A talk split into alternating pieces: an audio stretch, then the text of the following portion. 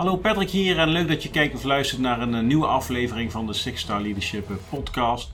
Aflevering 41 alweer. Mijn eh, bijzondere gast, helemaal uit België, is Unico van Koten. Unico is een bijzondere persoon, kwam een maandje 5, 6 via LinkedIn in mijn leven. We zijn elkaar gaan volgen, we hebben elkaar al meerdere malen gesproken. We praten over verbinding, we praten over vrijheid, we praten over vertrouwen, we praten over het verwijderen van LinkedIn en nog veel meer. Dus als je het een leuke video vindt, nou, eh, tik even op het duimpje beneden en eh, like deze video. Abonneer op het YouTube kanaal. Ben je luisteraar op Spotify of Apple Podcast? Nou, abonneer dan ook en dan ontvang je altijd de notification op het moment dat wij een nieuwe video of een nieuwe podcast online zetten. Nou, nu lekker snel door naar de uitzending met Unico van Koten. Ik wens jou eh, heel veel plezier met het kijken of luisteren met de podcast met Unico van Koten. Veel plezier. Nou, alles loopt Unico. Ja, leuk, super. Ja, ik zeg altijd eh, welkom bij de Sexual Leadership eh, podcast. Het is een eh, andere licht in van dan normaal, want het is dinsdagavond. Ja. Dinsdagavond 29 april volgens mij uit mijn hoofd. Klopt dat? Nee, volgens mij is het juni. Of juni, hoe kom ik nou aan april? Weet ik niet. Dat is mijn trouwdatum. Dat is mijn Oh, ja, maar goed, dan ben je in ieder geval zo iemand die dat niet vergeet. Ik ben ermee bezig. Ja, Ja, je bent het precies. Ja, nee, het is eh, 29 juni Ja. en ehm, ja, dinsdagavond. Ja. Bijzondere gast. En, eh, Unico van Koten, welkom in Haarlem. Dankjewel. Heel leuk dat je er bent. Ja. Ik, eh, ik wilde sowieso een keer met jou een mooi gesprek opnemen. Ja, Want je doet eh, dingen die in mijn ogen bijzonder zijn. En je bent iemand die, ja, die verbindt, die helemaal zichzelf is. Ja. En op die manier dingen in beweging brengt. Ja, dat vind ik sexual leadership.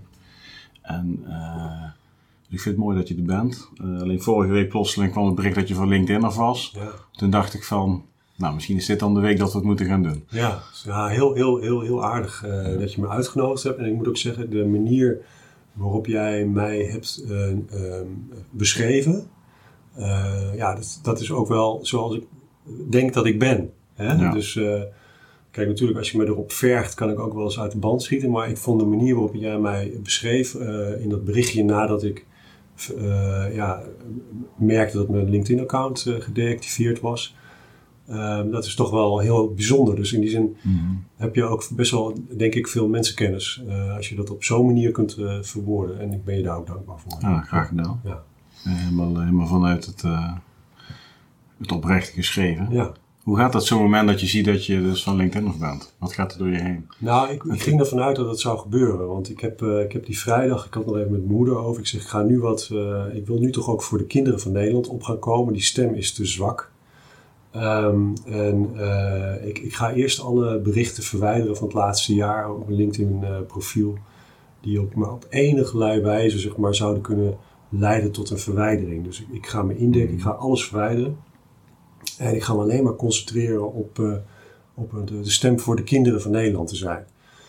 Ehm, ehm, in de wetenschap dat dat waarschijnlijk ook eh, tot een, eh, tot een ja, verwijdering zou, zou, zou leiden. Ehm, ja, en toen heb ik, ik heb heel hard gewerkt om, daar gebruik ik dan de weekenden voor, om me, verder in te lezen in het onderwerp, maar ook internationaal. Ik heb natuurlijk een internationaal beroep en daardoor heb ik ook internationale ingangen.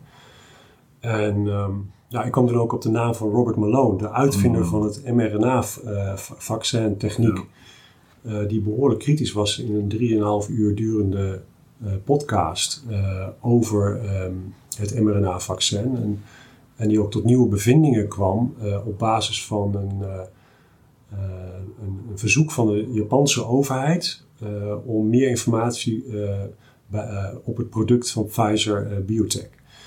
En eh, daar heeft hij dus zeg maar een, een, een, een, eh, een evaluatie op gedaan. En daar schrok hij van. Nou, dat gecombineerd met, eh, met de database van neveneffecten die er al in Amerika is, ja, stonden heel wat signalen op rood. En ehm, kijk, dan moet je beseffen dat in principe je kijkt natuurlijk naar de, de risico risk-benefit ratio. Hè, Je kijkt in, per, per, per leeftijdsgroep kijk je naar van nou, hoe ernstig kan die leeftijdsgroep eh, bijvoorbeeld eh, ziek worden van COVID. En, ehm, en hoe, in hoeverre helpt het, eh, het, de vaccins die op de markt zijn daartegen.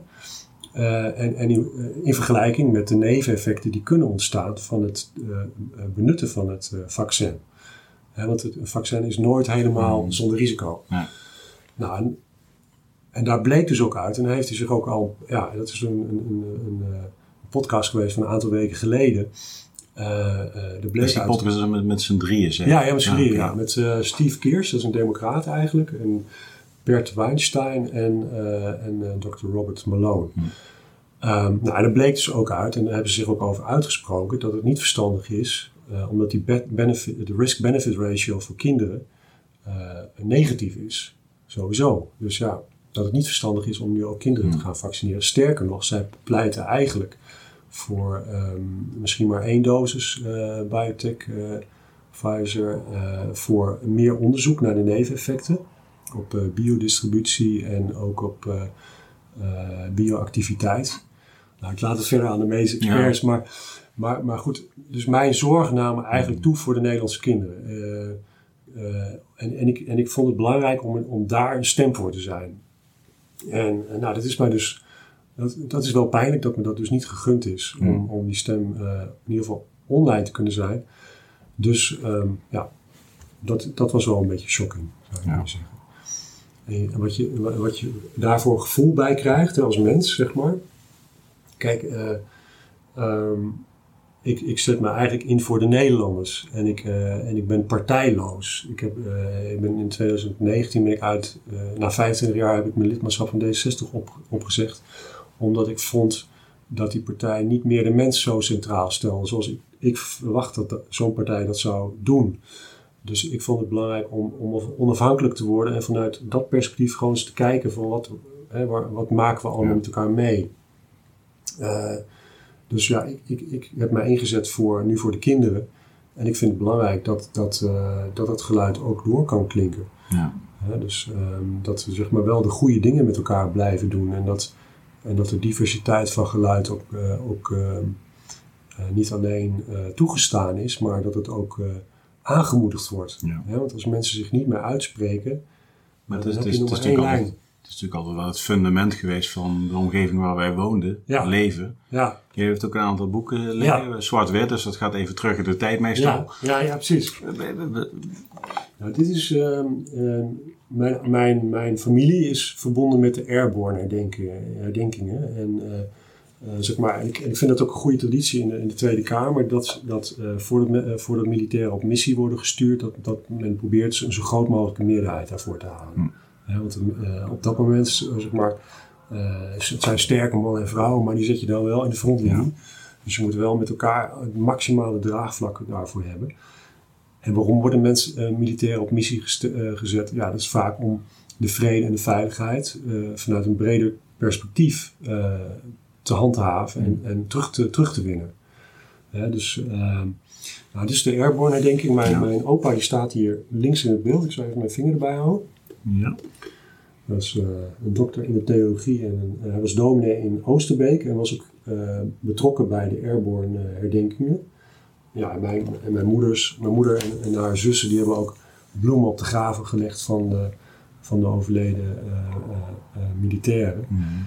En um, ik denk dat het best wel belangrijk is om even terug te gaan in die tijd. Want um, we staan heel erg stil bij dat, dat, dat er mensen zijn, militairen zijn, die dus uh, weten dat ze op een hele moeilijke missie gaan, ook weten dat ze kunnen, kunnen sterven, maar dat toch doen.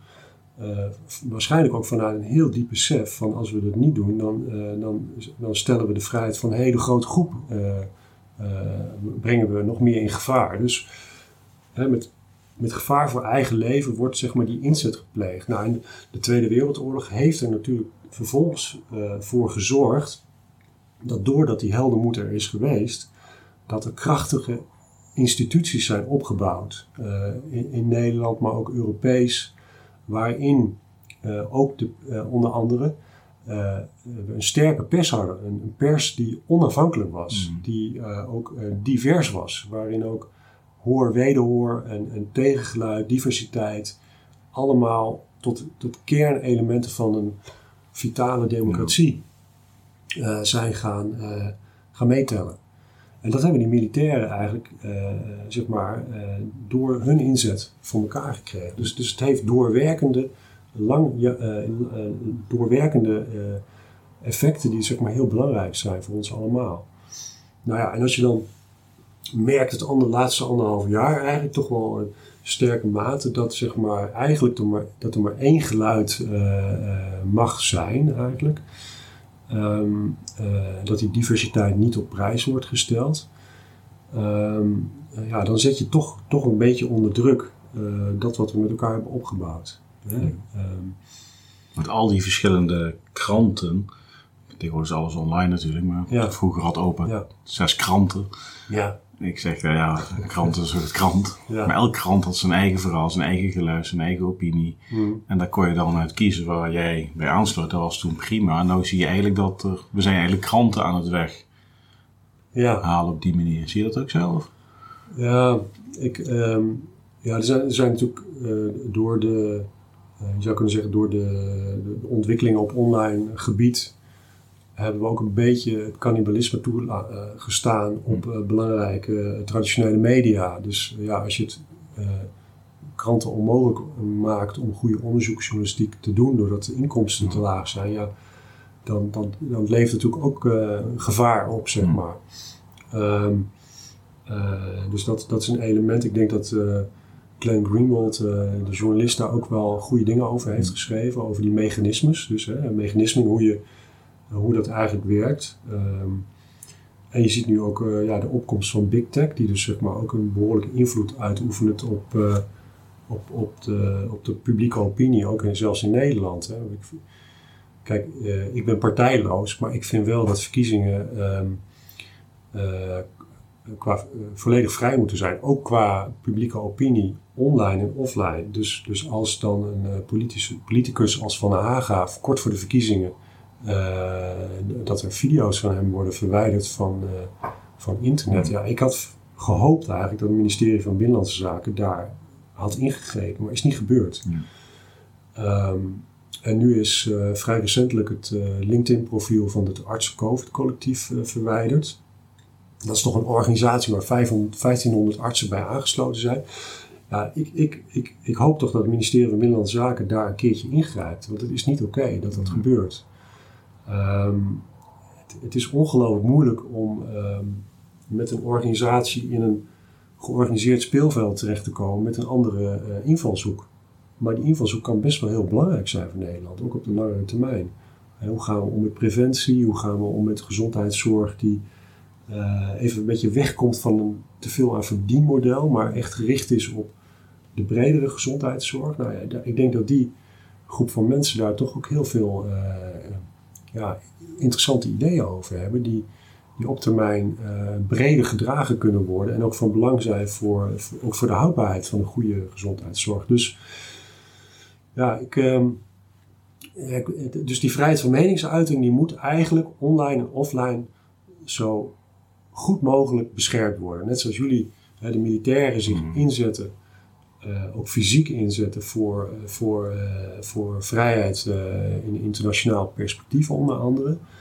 Um, zo moeten ook politici en ook zeg maar de, de, de, overheid, het bestuur ervoor zorgen dat op Nederlands grondgebied, en daar hoort ook de online platforms bij, die vrijheid van meningsuiting zo, zo um, dat die, dat die lat zo hoog mogelijk ligt om, om je, je mening te geven. Kijk, en zolang je binnen de context van de grondwet blijft, denk ik dat dat ja. ook, ook tot hele waardevolle inzichten kan, uh, kan bijdragen. en en uh, nou ja, wat me dus opvalt in deze COVID-bestuurscrisis eigenlijk, is dat met name in het Westen, dus in eigenlijk heel veel landen, ehm, elk beredeneerd geluid wat afwijkt van het, van zeg maar handen wassen, anderhalve meter, mm. vaccineren, bij wijze van spreken. Even kort door de bocht, dat het wordt platgeslagen. Ja. En het beste voorbeeld ja, is wel, het gaat nu wel over onze kinderen. Want ja, uh, vorige week begon het eigenlijk al, dat zeg maar uh, de, vanuit het bestuur, dus het OMT van Dissel, we zijn weer van Dissel. ja. Heb je die cartoon zelf gemaakt? Of? Ja, ik heb er iemand voor die dat... nee, maar, ja, maar Van Disselen wilde zeggen dat je dus zeg maar dat je dus bepaalde in, nieuwe inzichten eigenlijk uh, negeert en, en, niet meeneemt en niet, hmm. niet publiekelijk ook uitserveert. En ik, en ik snap best dat, dat bestuur, er bestuurders zijn die, die denken aan reputatieschade of aan, aan ja, misschien, misschien dat het een bepaald beleidskeuze kan ondermijnen of zoiets dergelijks. Maar je moet in een crisistijd ook ruimte hebben en je ruimte gunnen om zeg maar bij te kunnen sturen. Nou, dat hebben bijvoorbeeld de Belgen gedaan. De Belgen en de Duitsers die hebben gezegd van nou, met die, met die eeuwogene, dus die besmetting, dat er is een route. We nemen het serieus. We gaan, de hele bevolking gaan we informeren. dat hebben dus Belgen gedaan in oktober vorig jaar. Dat ventilatie belangrijk is en hoe dat dan te doen. En we gaan vervolgens ook nog verplichtingen opleggen voor organisaties in de binnenruimte. Dat hebben ze gewoon opgelegd. Nou, het Belgische bouwbesluit is nog niet zo anders dan het Nederlandse. Dus het Nederlandse bouwbesluit is onvoldoende om te zorgen dat die dosis-effectrelatie dat die geborgd blijft. Nou, en dan moet je dus met name kijken naar dus waar de meest kwetsbare mensen Mm. wonen, in verpleeghuizen, in de revalidatiecentra, gehandicaptenzorg, de ouderen thuis alleen. Nou, zorg dat ze een CO2-meter hebben of wat dan ook, maar, dus, maar breng het onder de aandacht. Dat had gekund zonder reputatieschade. Ja, nou goed, de, en de, de vraag is dan, waarom gebeurt het dan niet? Mm. Hè, dat is, dat, daar maak ik me dan zorgen over. Als Maar, maar dat, dat zijn al eigenlijk, kijk, eh, kijk, dit doen de Belgen en de Duitsers dan goed. Ja, Maar als je nog een niveau opzoomt, zeg maar. het- Wat, vooral heel, eh, wat mij opvalt, is dat we dingen aan het doen zijn waarvan we voorheen zouden zeggen van nee, dat wet privacy of er moet eerst eens tien jaar over nadenken Ja, en dan moeten we ja. een keer een besluit nemen. Er gaat in de sneltreinvaart nu worden de keuzes gemaakt ja, die, die toch wel ja, ja. controversieel zijn in, als ik tien jaar terug zou leven, wijze van spreken. Ja, ja, je, kijk, dus de normen en waarden die worden natuurlijk ook, die, die, die, die, net zoals een pendule, die swingen heen en weer hè, in bepaalde tijd. En we, we krijgen na deze fase ook nog natuurlijk een fase van eh, dat de staatsschuld onder druk eh, Mhm. komt te staan. Ik, ik weet dat in, eh, in Italië die schuld die, die staat nu op 160% GDP. Ehm, eh, dat is een groot eh, spook. We weten ook in Spanje hoeveel eh, ja, toerisme er niet gekomen is, hoeveel omzetverlies er is geleden. Ehm, eh, daar had de Spaanse, Spaanse overheid had niet zoveel geld op de plank om eh, de- de- haar bedrijfsleven te ondersteunen zoals dat in Nederland is gebeurd of in Duitsland. Ehm, hè, dus er is ongelooflijk veel geld bijgedrukt en, en er is veel economisch verlies geleden, met name in het MKB. Dus, dus er komt nog wel iets aan. En ik kan me vanuit bestuurlijk perspectief voorstellen dat, dat je dan een keuze maakt van wij gaan meer censureren, meer controleren. Ik denk vanuit democratisch perspectief eh, betekent dat dus dat je wantrouwen hebt in je, in je eigen bevolking. Ik, ik ben daar geen voorstander van. Ik zou zeggen, blijf altijd dicht bij de Nederlandse normen en waarden. Bij, vanaf de akte van verlatingen, Mhm. 440 jaar geleden. 26 juli. 26 juli. Ja, dat is precies. Ga je ook? Ja. Ben, ben je er ook? Ik, nou ja, ik, ik ben al op bezoek bij mijn dochter in, in ja. eh, Tsjechië. Dus ik kan... eh, Tsjechië. Hey, Ja. Niet vloeken hier. Hè? Nee, precies. Nou, mijn dochter is dus, eh, die, wordt, eh, die wordt vijf, maar die heeft, ja, het is ongelooflijk, het is, een, het is een surprise baby in mijn leven, zeg maar. Want, ja, de moeder die was, to- toen ik gescheiden was van mijn vrouw, toen had ik dus een tijdje een Tsjechische vriendin. Hmm. En eh, we hadden het heel goed met elkaar. En ik had dus ook, ik had al een dochter, dus die wilde het ook een beetje rustig aandoen. En, ehm, eh, maar goed, op een gegeven moment kwam ze een keer naar me toe, vlak voordat we naar de, eh, haar moeder zouden gaan om kerst te vieren. En met met de mededeling van, nou, ik ben vreemd gegaan en dat is nog niet alles, maar ik ben ook zwanger. En 95% kans dat die andere man, ja, dat dat de vader is. Hmm. Ik weet het zeker, zo op die manier ging dat. Dus kaboom, kaboom, kaboom. Nou, als je blauwtje loopt, eh, wil lopen, dan is dit het wel, zeg maar. maar dus dat was eh, vrij pijnlijk. Ehm, maar ehm, ja, ik ben niet zo rancuneus ingesteld. Ik ben wel iemand van, ja, dat is dus, die was dus niet tevreden bij hoe het was. Eh, dat accepteer ik, maar ik, ik bedoel, het heeft ook een impact op mijn andere dochter. Dus ik was daar, niet- ik was daar niet blij mee, echt niet. En, dus we hebben afstand genomen, uiteraard. Ze had al een keuze voor die andere man gemaakt. Maar goed, toen het kindje dus een jaar later met rode, ogen, eh, rode eh, haren en blauwe ogen ter wereld kwam, Toen was het duidelijk. toen, eh, ja, toen, toen, toen kreeg die man dus, die, die vermeende vader, die, kreeg, die dacht van, ik moet, dus die heeft dus stiekem een DNA-test laten doen. Hmm. En die bleek dus, bleek dus 0% vader te zijn. En ik, en ik was dus net met, met mijn vereniging afbedrijf aan een congres in, de, in, in Utrecht in de Galgenwaard. En ik kreeg een telefoontje van mijn voormalige vriendin. En zeg van, En jij bent toch wel de vader van eh, mijn kindje. En ik zeg van, eh, sorry, eh, hoe is dit mogelijk? Ik stuurde wel een foto. Dus toen stuurden ze mij een foto van een heel mooi babytje met, met rode haren en blauwe ogen. Ik denk van, ja, daar hoef ik helemaal geen DNA-test voor te doen. Dus dat, is, dat was het dus. En nou ja, daar heb je het dus ook over. Hè? Daar heb je dus ook over, wat doe je dan? hè? Je lijdt wel even pijn in de zin van, ehm, dan komt er weer iemand in mijn leven die ik er eigenlijk, eh, die pijn gedaan heeft en die ik daar eigenlijk uit wil poetsen.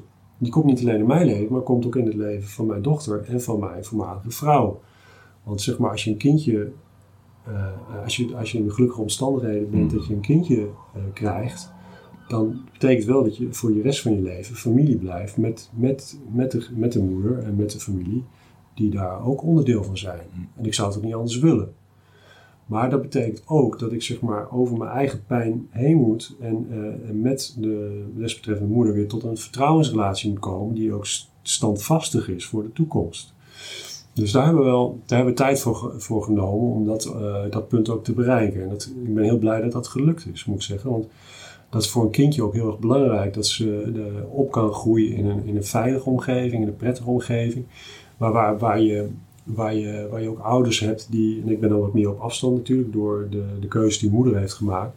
Maar, maar, maar waarbij ze wel weten, ik heb een vader die houdt van mij en die zal er ook altijd voor me zijn. Ja, dus eh Hoe oud is ze? ze wordt vijf. Vijf. Ja, ja, ja, ja. ja. Maar die, die, die afgelopen vijf jaar, ja goed, je vertelt dat proces even in een paar minuten. ja. Ben je daar ook de persoon zoals je nu bent in datgene wat er nu allemaal speelt? Heb je daar iets van meegekregen, van geleerd? eh?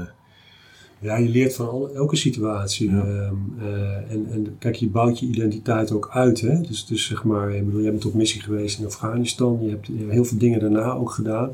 Veel contacten met mensen opgebouwd. Dus je, je identiteit is eigenlijk continu eh, in ont- ontwikkeling. Ehm, bepaalde elementen, die, die zijn wel vrij hard. Eh, zou ik willen zeggen, zoals een wilskracht of een bepaalde sociale inborst. Ik bedoel, ik had ook een... eh, ik had ook een ondernemerstype kunnen zijn. Mhm. Ik werk graag voor ondernemers, maar, ik, maar ik, ben, ik heb ook een vrij sociale inborst. Ik vind het soms belangrijker om ook die kant gewoon goed eh, door te laten komen. Als ik denk van ja, Nederland heeft me heel veel gebracht. Ik zie nu bepaalde dingen toch wat wegglijden qua, qua, qua normen en waarden. Ja, dan vind ik het belangrijk om daar een inbreng te hebben. Hmm. Ook al is die heel klein, ik doe het toch, snap je? Dat, dat, ik denk dat dat, dat dat altijd al wel eh, erin eh, heeft gezeten. Ehm, maar in de tijd word je natuurlijk meer, eh, krijg je als het goed is meer compassie, meer begrip voor verschillende perspectieven. Ehm, dat, dat, dat helpt sowieso. En kijk, mijn, eh, mijn Tsjechische vriendin die komt uit een communistisch systeem. Hm. Die heeft meegemaakt hoe je zeg maar van, vanuit de oorlog eh, in een communistisch regime kunt rollen. En dat je dan een herverdeling hebt van, eh, van eh, goederen. Eh, dat je munt opeens niks meer waard is. Dat je misschien met andere mensen in één huis moet wonen. Dat is nog niet zo lang geleden. Dat Hm. heeft zij meegemaakt. En hoe je dan toch nog zeg maar, een bepaalde mate van geluk kunt opbouwen. Ehm, eh, ja, hè, dus ehm, mijn voormalige vrouw die was, is dus Duitser. Die heeft dus ook allerlei dingen meegemaakt. Dus ik, ik krijg van allerlei perspectieven krijg ik dingen mee.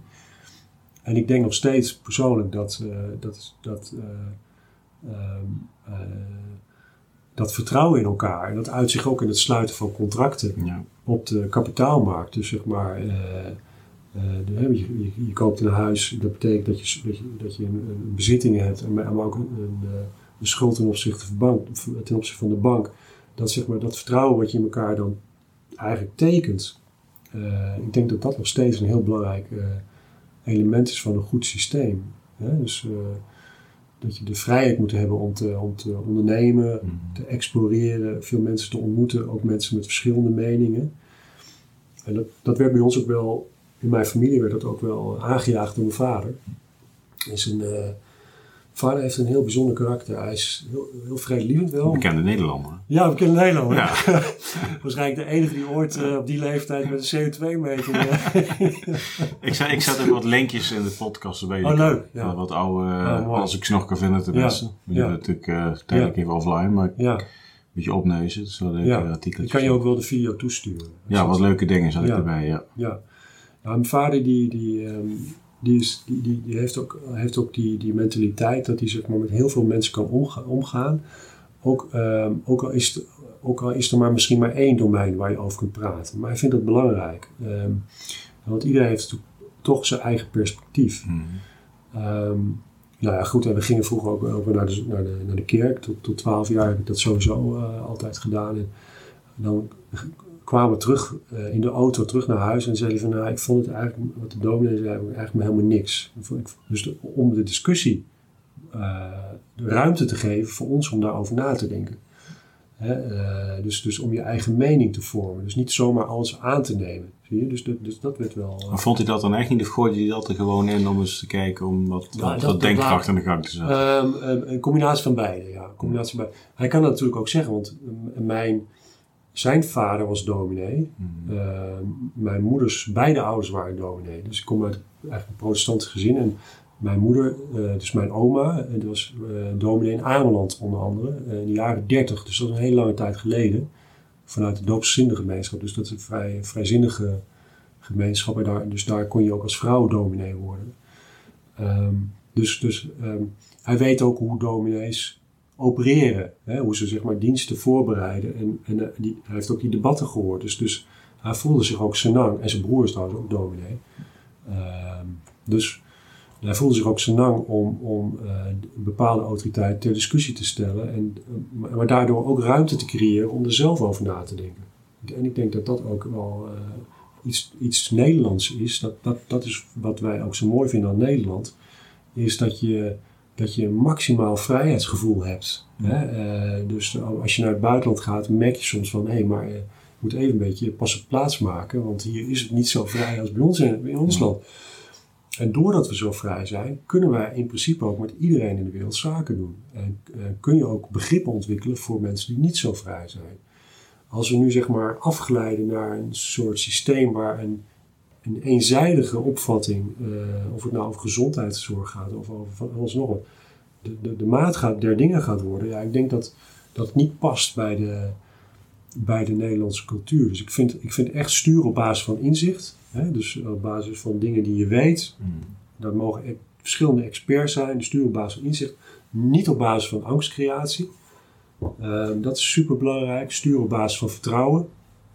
Nederland is 100%. We hebben heel veel verschillende groepen in Nederland die, die woonachtig zijn. Die kunnen ook allemaal goed met elkaar samenleven. Dat hoeft helemaal geen enkel probleem te zijn. We moeten vertrouwen in elkaar hebben. Dat, moeten we ook uitstralen als bestuurders. En, eh, en sturen op basis van perspectief voor iedereen. Dus, dus, eh, dus, dus dat betekent ook dat je je systeem zodanig op orde moet hebben. Dat mensen eh, zeg maar, kunnen exploreren, een, bedrijf kunnen ontwikkelen. en zich veilig voelen om dat ook te kunnen doen. Ik denk dat dat, een kern, dat zijn kernelementen van de Nederlandse Mhm. eh, cultuur, denk ik. Ja. Waar, waar, waar gaat het mis nu dan? Nou, heel goed. Ik zal je een voorbeeld geven, want het is een goede vraag. Kijk, ja, ik mij- hoe, hoe gaat het mis is misschien het verkeerde. Ja. eh, Nou, het zijn voorbeeldjes. Kijk, ehm, laten, we gewoon, laten we gewoon een casus nemen van voor wat er vorige week gebeurde. Er kwam een, een, een, eh, artikel in het Parool, volgens mij, van minister Hugo de Jonge. Waar die al voorsorteerde op een advies van de Gezondheidsraad. Het ging over die gezonde kinderen. Eh, dat werd ook geëchoed door Van, Disselen, eh, van Dissel, sorry, Mhm. eh, door nog iemand anders uit het OMT. Ehm, voordat die gezondheidsraad überhaupt iets had daarover had gecommuniceerd. Dus er wordt de druk uitgeoefend op een advies van een onafhankelijke raad. Nou, wij zijn in Nederland zo georganiseerd dat we hoog vertrouwen hebben in de Nederlandse democratie, in de besturen, in het bestuur eigenlijk. Ook omdat we onafhankelijke instituties hebben. Dus het, eh, het woord ombudsman, wat nu ook in Europa eh, een woord is Mm. van betekenis, dat komt uit Nederland. Dus wij, wij, wij vinden het belangrijk ook om de bestuurlijke macht te checken eh, door middel van die onafhankelijke instituten. Die moeten ook echt onafhankelijk kunnen zijn. En toen viel mij dus op, zeg maar, dat daar ook meteen al gesproken werd over de Delta-variant. Er wordt, er wordt alweer een beetje model, modelmatige angst gecreëerd, om het zo te zeggen. Maar nu over de rug van de kinderen. En dat gaat me eigenlijk wel een stap te ver. En, en dat werd dus ook genoemd. Ik kreeg het ook van een van de politieke partijen terug, aan wie ik de brief had eh, gestuurd, namens de delegatie van het regenboogteam. Ehm, en ik denk van ja, dat is niet oké hoe dit loopt. Dat is niet oké. Vervolgens eh, komt er vandaag het advies van de Gezondheidsraad uit, wat inderdaad het heeft over die Delta-variant. En dat kinderen, dus gezonde kinderen, een bijdrage kunnen leveren aan het verlagen van de transmissie van het virus. dus, dus, dus dat is dan als, wordt als redenatie mm. genoemd. Ja, en dan, dan denk ik 1 plus 1 plus 1, OMT, RIVM, uh, druk vanuit VWS op uh, de Gezondheidsraad. Nou, dan hadden we ook trouwens gisteren nog een, een, een, een lobbyartikeltje in de Volkskrant uh, van kinderartsen. Die plotseling dan zeggen van ja, maar het is hartstikke goed dat die kinderen gevaccineerd worden. En wat ik dan mis in het, in het rapport van de Gezondheidsraad, dus ik ga daar toch de kinderombudsman, ook de, de Europese ombudsman en de nationale ombudsman over bevragen, is wat ik daarin mis, is de uh, het, het risico-benefit ratio voor, die, voor dat leeftijdscohort. Hè, voor kinderen tussen de 12 en 18. Wat is nou het risico dat je, uh, dat je COVID krijgt, hè, dus dat je ernstig ziek wordt, in vergelijking tot de nevenschade die kan ontstaan bij de, bij, bij, bij, de, bij de vaccins die nu op de markt zijn. Komt nog bij, bovendien, dat er ook nog uh, ja, meer conventionele vaccins waarschijnlijk binnenkort op de markt komen, hè, zoals Novavax en zo. Dus. Mm. Ja, kijk, dat, is een voorbeeld, dat is een voorbeeld. Misschien wel goed om heel eventjes uh, te benoemen, Unico. Kijk, dit gaat niet over corona. Nee. Dit gaat over besluitvorming. Precies. Hoe, hoe lijntjes lopen, hoe keuzes gemaakt worden. Of je nou voor vaccineren of tegen vaccineren. Uh, ik ben ervoor, hè? Ik ben ervoor, voorstander van goede vaccins en uh, van van, een goed nationaal Ja, kijk, maar we, laten ons vaak we laten ons meezuigen, over, vooral op de platformen van nou, je bent voor of tegen, je bent links of rechts, kan mij het vooral, weet je wel. Dus de, mij maakt het allemaal niks uit. Waar, waar, ik wel over nadenk van, goh, hoe kan het zo zijn uh, dat er nu besluiten worden genomen dat zelfs een kind van 12 tegen de wil van de ouders en misschien wel moet kiezen voor een vaccin. Wat in de ogen van de ouders misschien niet zo briljant is. Ja. Nogmaals, het gaat niet om het vaccin, maar dat er dat soort dingen nu in zo'n sneltreinvaart besloten worden. Ja, dat is iets om over na te denken. Ja. Want dat kan over drie jaar dus ook met iets wat we nog niet eens weten dat misschien gaat gebeuren. De dijken breken. Nou, we gaan dit eventjes weer doen op die manier. Ja. Kijk, en dat is heel erg raar. We zijn dus eigenlijk aan het afbreken nu wat we eigenlijk 50, 60 jaar lang hebben opgebouwd. Ja. Nou, je komt toch, toch terug bij het boek van, van, uh, van, onze, van onze helden, weet je wel. De Nederlanders, de, de, de, Polen en de Engelsen die gestorven zijn in, uh, in Oosterbeek en omstreek. Kijk, dat heeft tot hele grote uh, democratische ehm, uh, ook democratisch welzijn geleid, zou je mhm. kunnen zeggen. En, maar wat is dan democratisch welzijn? Nou, democratisch welzijn is dat je je veilig voelt om, uh, om, een, om, om jezelf te zijn en om een beredeneerde mening te geven, bijvoorbeeld, die ook een beetje onderbouwd is. En uh, nou, ik, ik ben van LinkedIn afgegooid. Uh, het artsen-COVID-collectief was ook bezig met de kinderen. We wilden ook een stem zijn voor de kinderen, die zijn er ook afgedonderd. En, dat, en, dat, um, en het is niet correct. Dat is, daar, daar, dat is een glijdende schaal. En als je dan kijkt hoe zo'n besluit tot stand komt, want daar gaat het uiteindelijk om. Dan kunnen alle mensen in Nederland kunnen dat toetsen. In de tijdlijn van vorige week tot vandaag. Ga het maar eens even na. Kijk maar eens even wat er in het parool stond in het AD. Hoe de vrijdag in de Tweede Kamer gesproken is door de minister van Volksgezondheid over, uh, over vaccineren van gezonde kinderen. Hoe die daarover gesproken heeft en wat er uiteindelijk in het gezondheidsrapport heeft gestaan dan weet je dat, dat, dat er lijntjes zijn gelopen die die onafhankelijkheid van die bestuurders, van die mensen, sorry, in die gezondheidsraad onder druk hebben gezet. En, dat, en daar ga je dus op, op een hellend vlak begeven. Want op een gegeven moment krijgen mensen dat, zien, zien dat patroon vaker terugkomen. Uh, en, en krijgen dan een, een, een, een uh, ja, wantrouwen, versterkt het wantrouwen ten opzichte van de mensen in Den Haag. En, en, en de woordvoerders van de, van de ministeries, ja, met name de mensen die zeg maar, in Den Haag werkzaam zijn. Het is natuurlijk doodzonde. Mm Ik vind dat we het vertrouwen in, in, in elkaar, maar ook in de instituties zo hoog mogelijk moeten houden. En wat je niet wil is sociale onrust op, op basis van slechte besluitvorming. Of op, of op basis van besluitvorming die al voorgekomen geweest is. Mhm. Dit is zo'n zo makkelijk zichtbaar treintje. Ja. En hier gaat het echt om onze kinderen. Hè? Ik bedoel, uh, kijk, ik heb dan twee kinderen die wonen dan niet in Nederland. Maar ik, maar ik heb wel, ik heb wel uh, neefjes nichtjes. En ik, uh, en ik, ik bedoel, uh, alle kinderen zijn ook mijn kinderen. Dus ik, bedoel, mm. ik, wil, ik wil daar gewoon ook, dat daar gewoon heel zuiver mee omgegaan wordt. Dus wat me dan ook verbaast is in dat advies van die gezondheidsraad. En nogmaals, ik ben voor het nationale vaccinatieprogramma. Hè, en ik was in Afrika, ben in Afrika geweest, daar heb ik mm. elf shots genomen. ja, ik, ben, ik heb wel eens een militair gedragen, uh, Patrick. Meteen tak, tak, tak. En, dus ik ben daar helemaal niet, niet tegen. Maar Kijk, ik heb wel, ik, uh, met ook een hele groep van, van medici, hebben we zeg maar uh, op 24 december aan de Tweede Kamer 24 vragen overhandigd over de huidige uh, coronavaccins. Daar hebben we nul antwoord op gekregen. Dat vind ik zeer onfatsoenlijk. Die vragen zijn voorbereid door medische experts, professoren die daar ook verstand van hebben, artsen die er verstand van hebben. En ja, als je die vragen beantwoord hebt, dan kan je ook naar, naar, naar informed consent, kan je ook naar willige toestemming toewerken. Want dan weet je wat de risico's zijn, je weet wat het vaccin doet. En, en Robert Malone heeft toch nieuwe inzichten naar boven gebracht, die ik ook niet teruglees in het gezondheidsrapport. Dus dat komt er nog een keertje bij.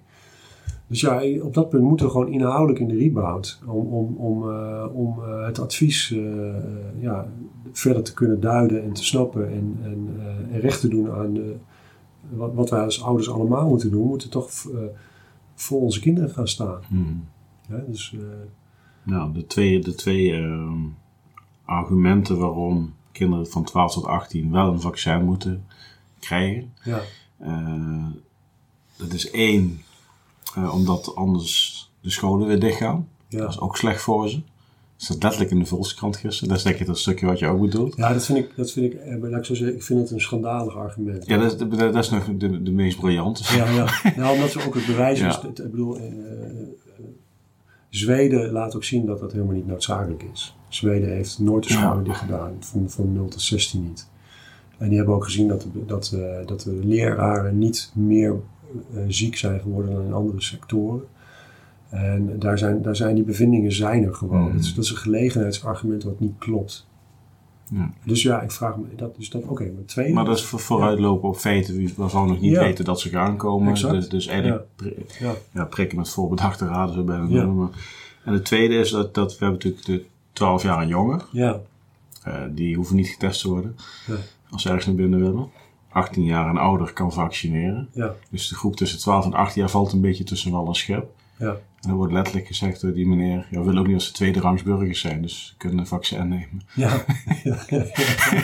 Maar dan ben ik ook een tweederangsburger, want ik heb me ook niet laten vaccineren. Nee, maar hoe, hoe, hoe, hoe, hoe kan het, Unico? Ik begrijp het echt niet. En ik, ik, ik- kijk, en ik, ja, ik snap dat niet. Ik snap Nee. niet dat, dat dit überhaupt in de krant staat op die manier, of dat mensen, die hebben erover nagedacht en dit zijn dan de, Ja. de argumenten. Patrick, we zijn weer van Dissel. Ja, dit is een, dit is een, dit is een eh, van Dissel eh, momentje.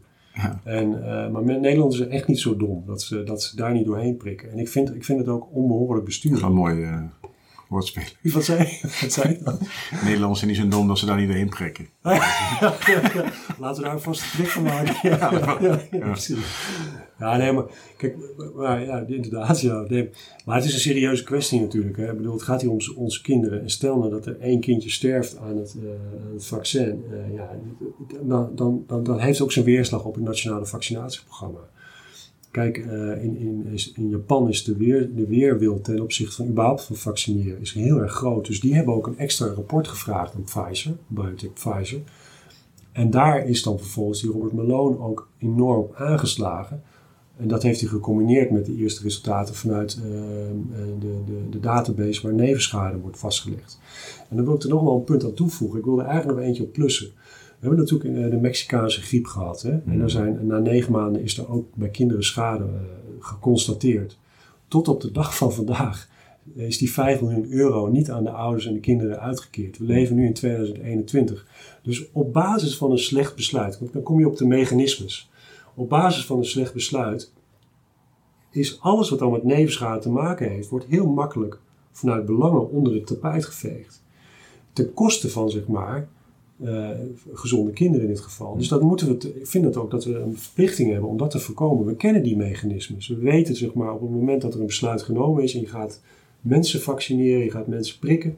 Ja, ehm, eh, en er kom- komt nevenschade, dat toegeven dat er nevenschade is en dat die gelinkt is aan, eh, aan een vaccin. Het is trouwens ook heel best moeilijk om dat vast te stellen. Maar op het moment dat het patroon er is en vervolgens de vaststelling er is, dan gaat het vervolgens nog enorm lang duren voordat de, voordat de, voordat de kinderen en die ouders eh, recht gedaan is. En we praten hier over een, een, een, medicijn of een, eh, vaccin wat met een noodstatus op de markt is gekomen, waar, waar, waar de langetermijneffecten sowieso niet bekend zijn. Maar wel de korte termijn nevenschade nu wel zichtbaar wordt inmiddels. Dus, dus dat is het. Dat, dus dus als, als die besluitvorming niet goed is, dan, dan betekent het dus ook dat in het vervolgtraject eh, ja, je recht halen ook best heel erg lastig is. Dus Ja. we mogen, we, mogen, we mogen onze ouderen en we mogen onze kinderen niet in die positie brengen.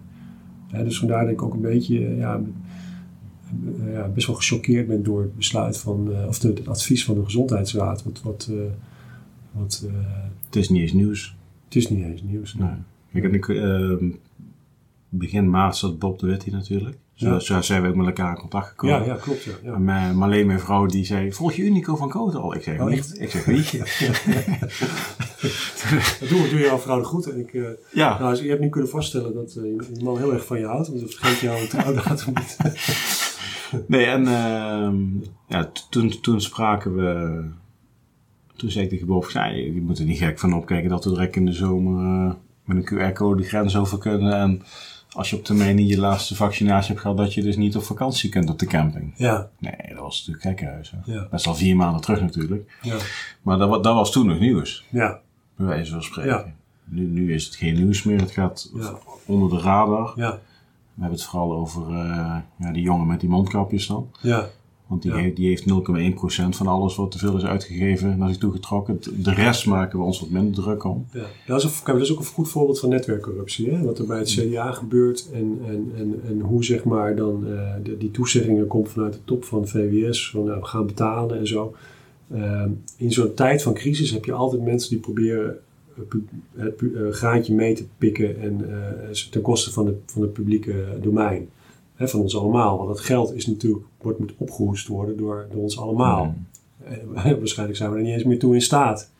Maar goed, dat is, dat is dus, dat is dus wat er, wat er, een voorbeeld van netwerkcorruptie. En ik, daarom ben ik dus ook hè, dus begonnen met, eh, eh, samen met, eh, met Harold van Garderen om, om, om meer fundamenteel met, die, met, de, met de problematiek van, van, van ons bestuur wat te gaan doen. En we, gaan, we zijn bezig met die Walk Aside of Miles. Mhm. Ehm, dat is geen protestbeweging, maar dat is zeg maar waar mensen mee kunnen doen. En ik ga, ik ga nu aankomende zondag lopen in Gorinchem, eh 5 voor 12. Eh, en dan zal ik ook, er zullen ook mensen van het Artsen COVID collectief eh, bij aanwezig zijn. Dan zullen we aan- met name aandacht spenderen aan de kinderen, om daar stem voor te zijn. Maar die Walk a Silent Miles, ik hoop eigenlijk dat die in elke gemeente gaan plaatsvinden. Dat mensen op gaan staan en zeggen van ik ga, we gaan met z'n tweeën gaan we gewoon lopen om de kerk of om het gemeentehuis of eh, om de moskee, maakt er niet zoveel uit. Maar dat je dus Iets, elkaar iets, wat staat voor samen zijn. samen zijn, verbinding met elkaar leggen. Ook eh, de observaties die je met elkaar hebt eh, delen. Met als doel de Nederlandse democratie en samenleving te versterken. Hm. Kijk, en als er straks pijn gepakt zou moeten worden op bijvoorbeeld eh, een staatsschuldencrisis. Ja, dan, dan de meeste pijn ga je lokaal voelen daar waar je woont. Hè? Dus dan is het heel goed om, eh, om, om lokaal met de burgemeester, met de, met de gemeenteraadsleden, met de mensen die eh, de lokaal bestuur leiden, om met Mhm. elkaar tot nieuwe vormen van, van democratie, bestuur, een nieuw bestuursmodel te komen. Ja. En daar beginnen we dus nu mee. En ik denk dat we daar de komende tien jaar ook nog wel mee door moeten gaan. Ja, ja, dat, dat is de gele melk, melkbus natuurlijk. Hij staat daar. ja, De mensen denken, heeft hij toch op tafel staan? ja. Oh, ik, heb ook, ik, ik heb ook een kaartje posten, Unico.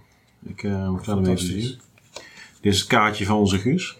Dat heeft hij zelf eh, ooit ontworpen. Heel mooi zeg. En ehm, ik lees hem voor en dan doe ik hem in de bus. Ja?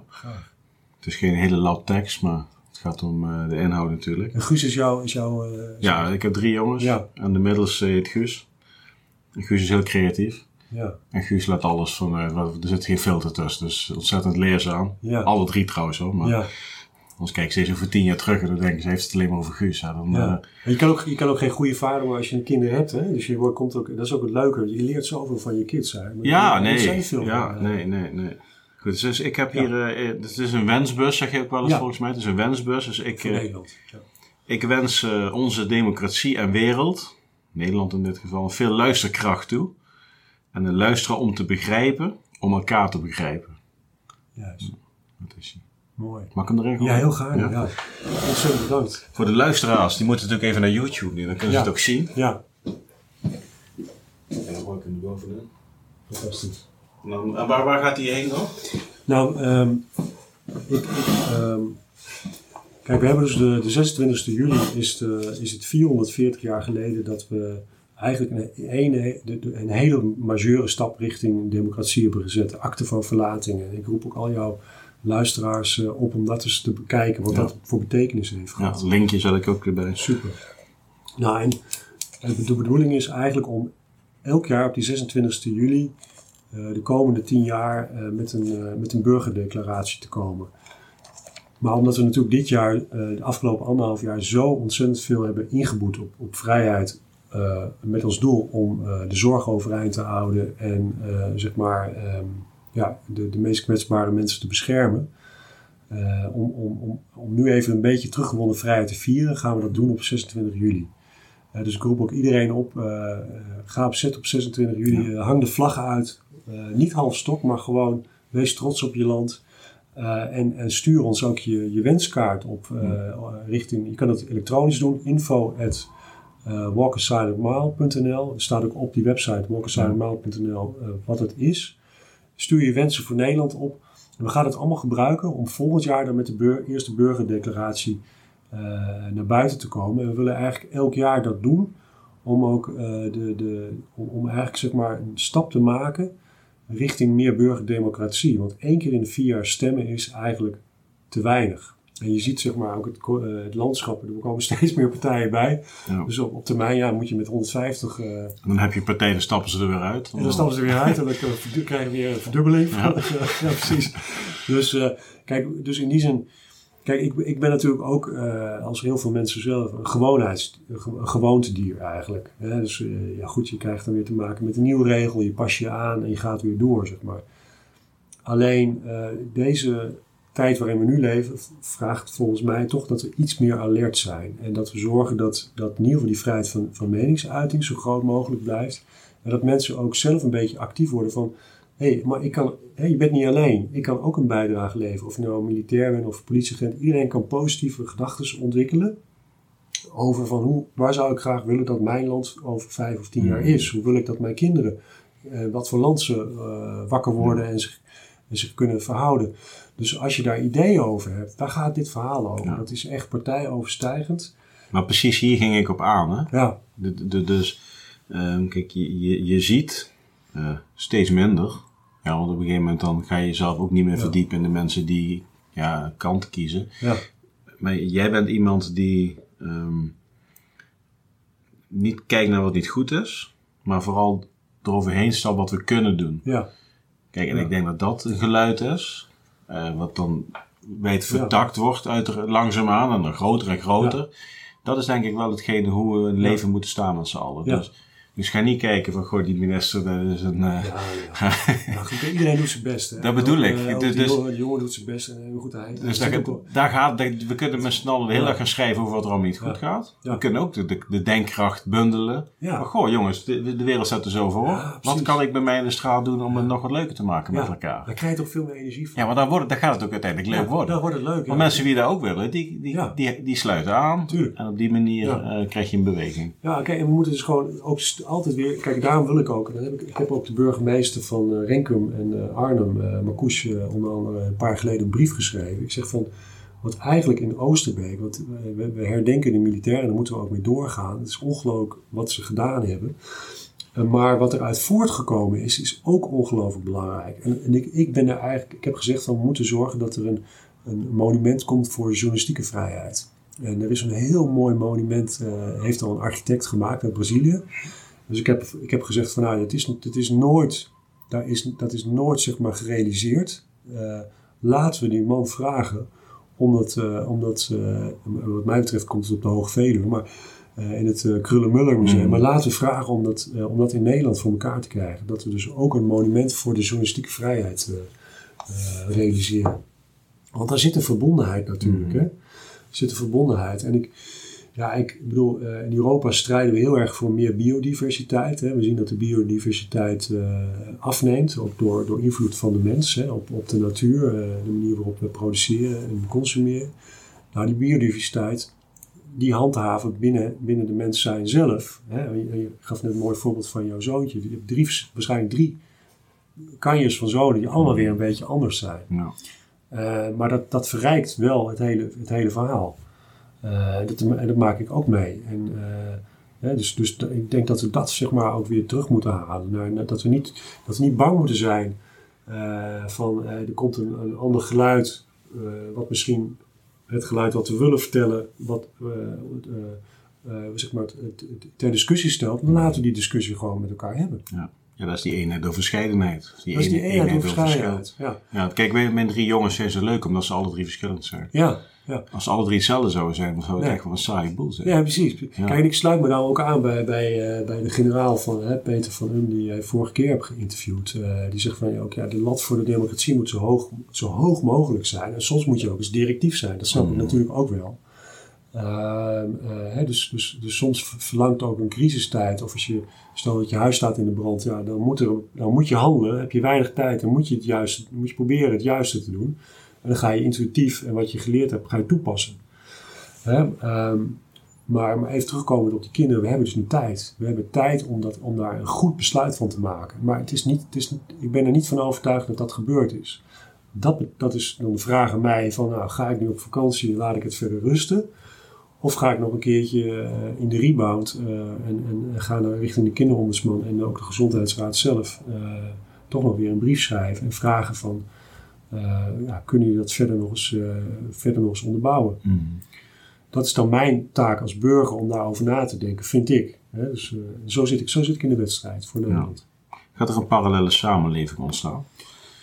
Kijk, Ja, wat is parallel? Eh, kijk, we betalen allemaal. mm. Ik zeg het tegen mijn dochter: je hoeft niet, voor twee dingen hoef je niet bang te zijn. Voor de dood niet, want iedereen gaat dood. En dat je belasting hoeft te betalen. Ja. Want dat, eh, dat hoort, Ja, hoort dat er ook bij. Dat is fijn, dat is in ieder geval geregeld. Dat is in ieder geval geregeld. En dan kun je allemaal leuke dingen. Ik bedoel, als je een goed Ja. georganiseerd bestuur hebt, dan gaan er allemaal belangrijke dingen ook voor gedaan worden. Dus dat. dat hè? Dus ik, ik persoonlijk geloof niet zozeer in een parallele samenleving. Ik geloof veel meer in dialoog. Burgerinitiatief. Ja, in de, Oh, dia- ja, in ja. de dialoog. Waarom? eh, eh, kijk, eh, eh, ik ben dus persoonlijk ook niet zo van het, van het protesteren of zoiets. Ik heb meer van, ik vind het wandelen vind ik heel goed. En ik vind die, die, die marsen ook heel erg mooi die er plaatsvinden.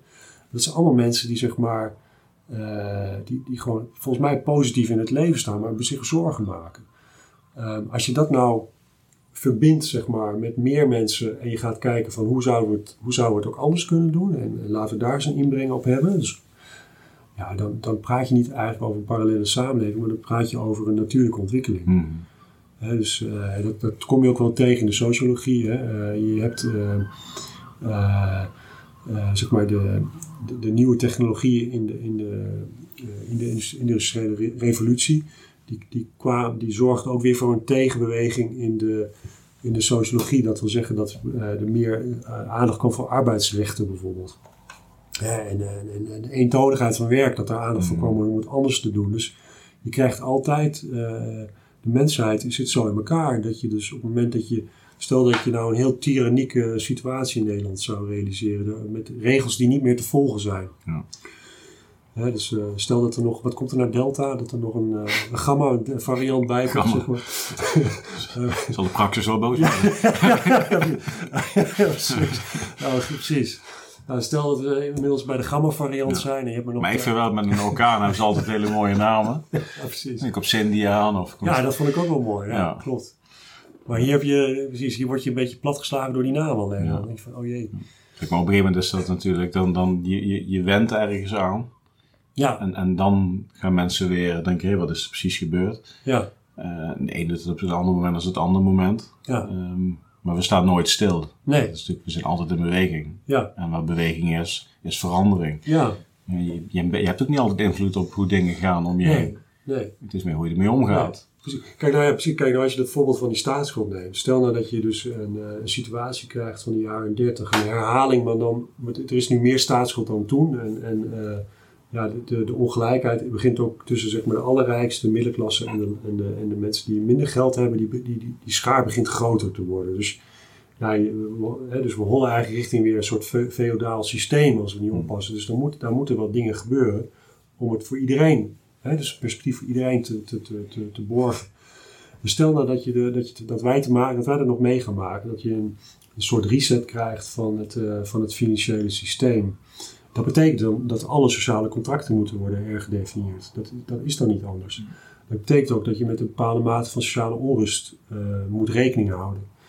Ehm, maar dat je ook wil dat burgers eh, eh, voedsel, drinkwater, energie, dat allemaal dat soort dingen geborgd zijn. Nou ja, dus daar, daar kun je scenario's op loslaten. Van wat, wat zou je dan moeten doen in zo'n situatie om, om, die, om de transitie naar weer het, het, het, het, terugbrengen van het financiële systeem aan een, aan een economisch systeem, die koppeling weer wat meer hmm. recht te doen. Uh, daar heb je tijd voor nodig, jaren voor nodig. Hoe gaan we dat dan doen zonder dat er veel slachtoffers vallen, zonder dat er te veel sociale onrust is? Mijn perspectief daarin is, dat doe je op basis van vertrouwen in elkaar. En op basis van een meer eerlijk verhaal. Dat doe je niet op basis van sturen op angst uh, en op basis van uh, censuur en controle. Dat is korte termijn. Het is, dat is een, dat is een, een vat, vat voor. Dus lange termijn is dat onhoudbaar. is onhoudbaar, ja. ja. Onhoudbaar. En, dus dat, dus, dus, en omdat eigenlijk de Tweede Kamer met, met uh, 150 um, volksvertegenwoordigers die met allerlei onderwerpen bezig zijn, maar eigenlijk ook niet genoeg staf en uh, mensen om dat allemaal goed te kunnen, kunnen inschatten en daar, en daar met, door scenario denken ook op voor, vooruit te lopen. Uh, en dat Pieter Omtzigt heeft het wel gedaan trouwens. Hè? Dus, mm -hmm. dus die komt waarschijnlijk wel terug. Die ziet ook wel dat er wat gaat gebeuren. Um, ja, vermoed ik dat je, dat je eigenlijk niet anders kan dan, dan dat je dus een tijdelijk zakenkabinet of zo gaat installeren, wat die, wat die transitie dan ook hmm. gaat begeleiden. en daar hoeven, we ons, daar hoeven we ook als Nederlanders zijn ons helemaal geen zorgen over te maken. Weet je, de lucht blijft blauw of het blijft regenen. mensen, wij, wij, wij, komen er wel uit, maar we moeten het, het, vertrouwen in elkaar moet zo hoog mogelijk zijn. En ook die vrijheid van meningsuiting moet zo hoog mogelijk zijn dan komen we ook wel weer terug naar een basis die heel positief is voor ons allemaal. Dus uh, ja. Heb je, heb je eerder, want je, je, in Brussel heb je ook het een en ander opgezet. Ja, uh, ja, ja. In, in Molenbeek. Ja. Um, ook naar aanleiding van een best wel bizarre tijd in die ja. jaren. Ja. Is dat enigszins uh, vergelijkbaar wat er dan speelt in zo'n zo'n maatschappij? Onrust, ja. onzekerheid. Ja, ja ik, precies. Ik ben, uh, in 2016 had je, hadden we de aanslag in Parijs. En toen, in, uh, en, en, en, toen voelde je zeg maar, de spanning al oplopen in, uh, in, in, Brussel zelf. ik denk ongeveer 20, 21 procent van de mensen die in Brussel wonen hebben Marokkaanse of Turkse roots. En, en, je zag gewoon de muren van voordelen opgebouwd worden in de hoofd van de mensen. En dat betekent dus dat effectieve communicatie en daardoor ook samenleven een stuk moeilijker wordt. dan krijg je dus verder een polarisatie en radicalisering. En omdat ik daar gewoon, uh, uh, ja, ik heb toen gekozen om daar in die ring te gaan stappen. Dus ik heb die zon, dus, en die, een paar dagen daarna overleed Johan Cruijff. Nou, mm. Ik heb Oranje Brussel opgericht. Ja. Heb je hem? ja. ja. we houden allemaal van Johan. en Johan Cruijff, die, die um, kijk, ik heb in 2009 Oranje Brussel opgericht. Dat is een voetbalclub. En daar zaten ook, zitten ook mensen die nu in het Europese parlement zitten, zaten ook in die club. En, uh, en, die, en, die, club bestaat nog steeds. En in 2009 heeft, uh, hebben, we, hebben we ons ingezet voor een charity voor, uh, voor kinderen die zeg maar stofwisselingsziekten hebben. Met, met, de stichting Energy for All. En daar was ook prins Constantijn bij aanwezig. Um, nou, en, en, en um, by the way, misschien wel even een zijsprong, maar dat is dus ook bijzonder voor al die, uh, voor al die ziektes die zeg maar, vrij uitzonderlijk zijn, zoals stofwisselingsziektes, is er vrijwel geen geld. dus uh, we pompen nu ongelooflijk veel geld in een bepaalde, uh, ja, om iets te bestrijden. Maar laten we nou ook daar eens wat meer aandacht voor hebben. Dus al die, die, die bijzondere ziektes waar eigenlijk nooit geld voor is, omdat je er geen geld mee kan verdienen. Maar er gaan ook kinderen sterven er wel aan. Dus kan, kan het ook, een, uh, we gaan direct terug naar het andere. Ja, precies, precies. Maar omdat we nu, dat is wel een voordeel, omdat we nu heel erg uh, actiegericht op, ja. op COVID zijn, ja. is de maatstaf waarin we dus schijnbaar vinden dat we moeten ingrijpen, die verandert ook. Dus misschien dat soort zeldzame ziektes komen misschien nou wel binnen het ethische van ja jongens, als we dit nu doen, twee jaar terug, weet je nog, in 2021, ja. moeten we dit ook niet eens wat meer gaan aanpakken dan? ik roep iedereen op om dat soort wensen zeg maar, in de mailbus te doen. Dus, uh, dus, uh, moet ik terugpakken. Ja, nee, maar, je kan, maar ik vind dat een ontzettend waardevolle volle gedachte. en ik denk dat je daar ook gelijk in hebt. Ik denk dat zeg maar, dat als, kijk, laten we hopen dat zeg maar, die, die, die vaccins, dat die, dat die, dat die zeg maar, fantastisch werken. eh, niet alleen op korte termijn, maar ook lange termijn, met zo min mogelijk nevenschade. Ja, bevolking blij, economie Ja, verbeterd, we kunnen duurzamer leven. Ja, en die, en, en, die, en, en, en, die techniek zal dan ook ingezet worden op andere. Dus, dus laten we hopen dat, dat het allemaal die kant op gaat. Het is het proces nog steeds ruk geweest, maar dan is de, Ja, de outcome kan nog steeds heel positief zijn. Precies, precies. Nou, en dan is dit, dit zeg maar, dus wat we hebben gemerkt, is dat we, als we samenwerken, kunnen we opeens heel veel bereiken. Dus laten we dat dan ook doen voor die groepen die nu niet gehoord worden. Ja. Die, die zeldzame ziektes hebben. Dat zou natuurlijk fantastisch zijn. En laten we dan vervolgens ook iets meer gaan doen aan preventie. eh, hè, dus het, waar, waar de, de. Dus als we dat allemaal samenbrengen, joh, dan gaan we toch groeien als, eh, als land en als samenleving. Nee, ik, ik, ehm, dan gaan we weer terug naar Oranjebrug, Molenbeek. ja. precies. Dus, dus we hadden Johan Cruijff die overleed. En we hadden twee dagen daarvoor eh, hadden we zeg maar de, de lock, de lock in, in, eh, in Brussel. En die, die verschrikkelijke aanslagen. En toen heb ik eh, eh, gedacht van ja, weet je, Brussel heeft mij, net zoals Nederland, heeft me zoveel gebracht. En ik heb er zoveel van, van eh, ja, Op het vliegveld was dat toen, hè? vliegveld en, en eh, in Maalbeek, Ja. een, eh, een, eh, een, eh, metrostation. Ongelooflijk laffe, aanslagen. Van mensen die gewoon compleet eh, ja, de weg kwijt zijn. En, en, en dat is heel triest dat, dat we die mensen niet eerder zeg maar, uit hun eh, zwarte isolement halen. Maar, dus dus ik, ja, ik dacht van joh, eh, Brussel heeft mij ook heel veel gegeven. En ik heb bepaalde dingen als burger waarschijnlijk ook niet goed, goed gedaan. Ik was nog nooit in Molenbeek geweest. Ik woon in Schaarbeek toen de tijd. Ik denk van ja, ik ga de burgemeester van Molenbeek eh, en ook de schepenen. Die heten dan geen wethouders, maar schepenen. Die ga ik een eh, e-mail sturen. En dan nodig ik mezelf gewoon uit. En, en zo is dat gebeurd. Dus ik heb een e-mail gestuurd op zondag. En ik ben die dinsdag ben ik daar in, eh, naar het gemeentehuis gegaan. Ja, en toen d- dan kom ik, kwam ik dus ook in eerste instantie 14 zwaar bewapende militairen Ja. tegen. Die stonden dat eh, gemeentehuis te bewaken. En er waren nog veel meer politieagenten. En veel camerateams en zo. Maar ik had mijn, ja, mijn eh, bondscoach eh, eh, blauwe pak aan met oranje stropdas. ik kon gewoon zo streed doorlopen. Ja. Ook niet zo'n verstandig idee natuurlijk. eh. maar goed, ik kon doorlopen. En ik heb dus een half uur met de burgemeester eh eh, Françoise Schepmans eh, gesproken. En, eh, en zij zei toen tegen mij van, ja, jij, jij, Van Koten, je bent de eerste die met iets positiefs komt.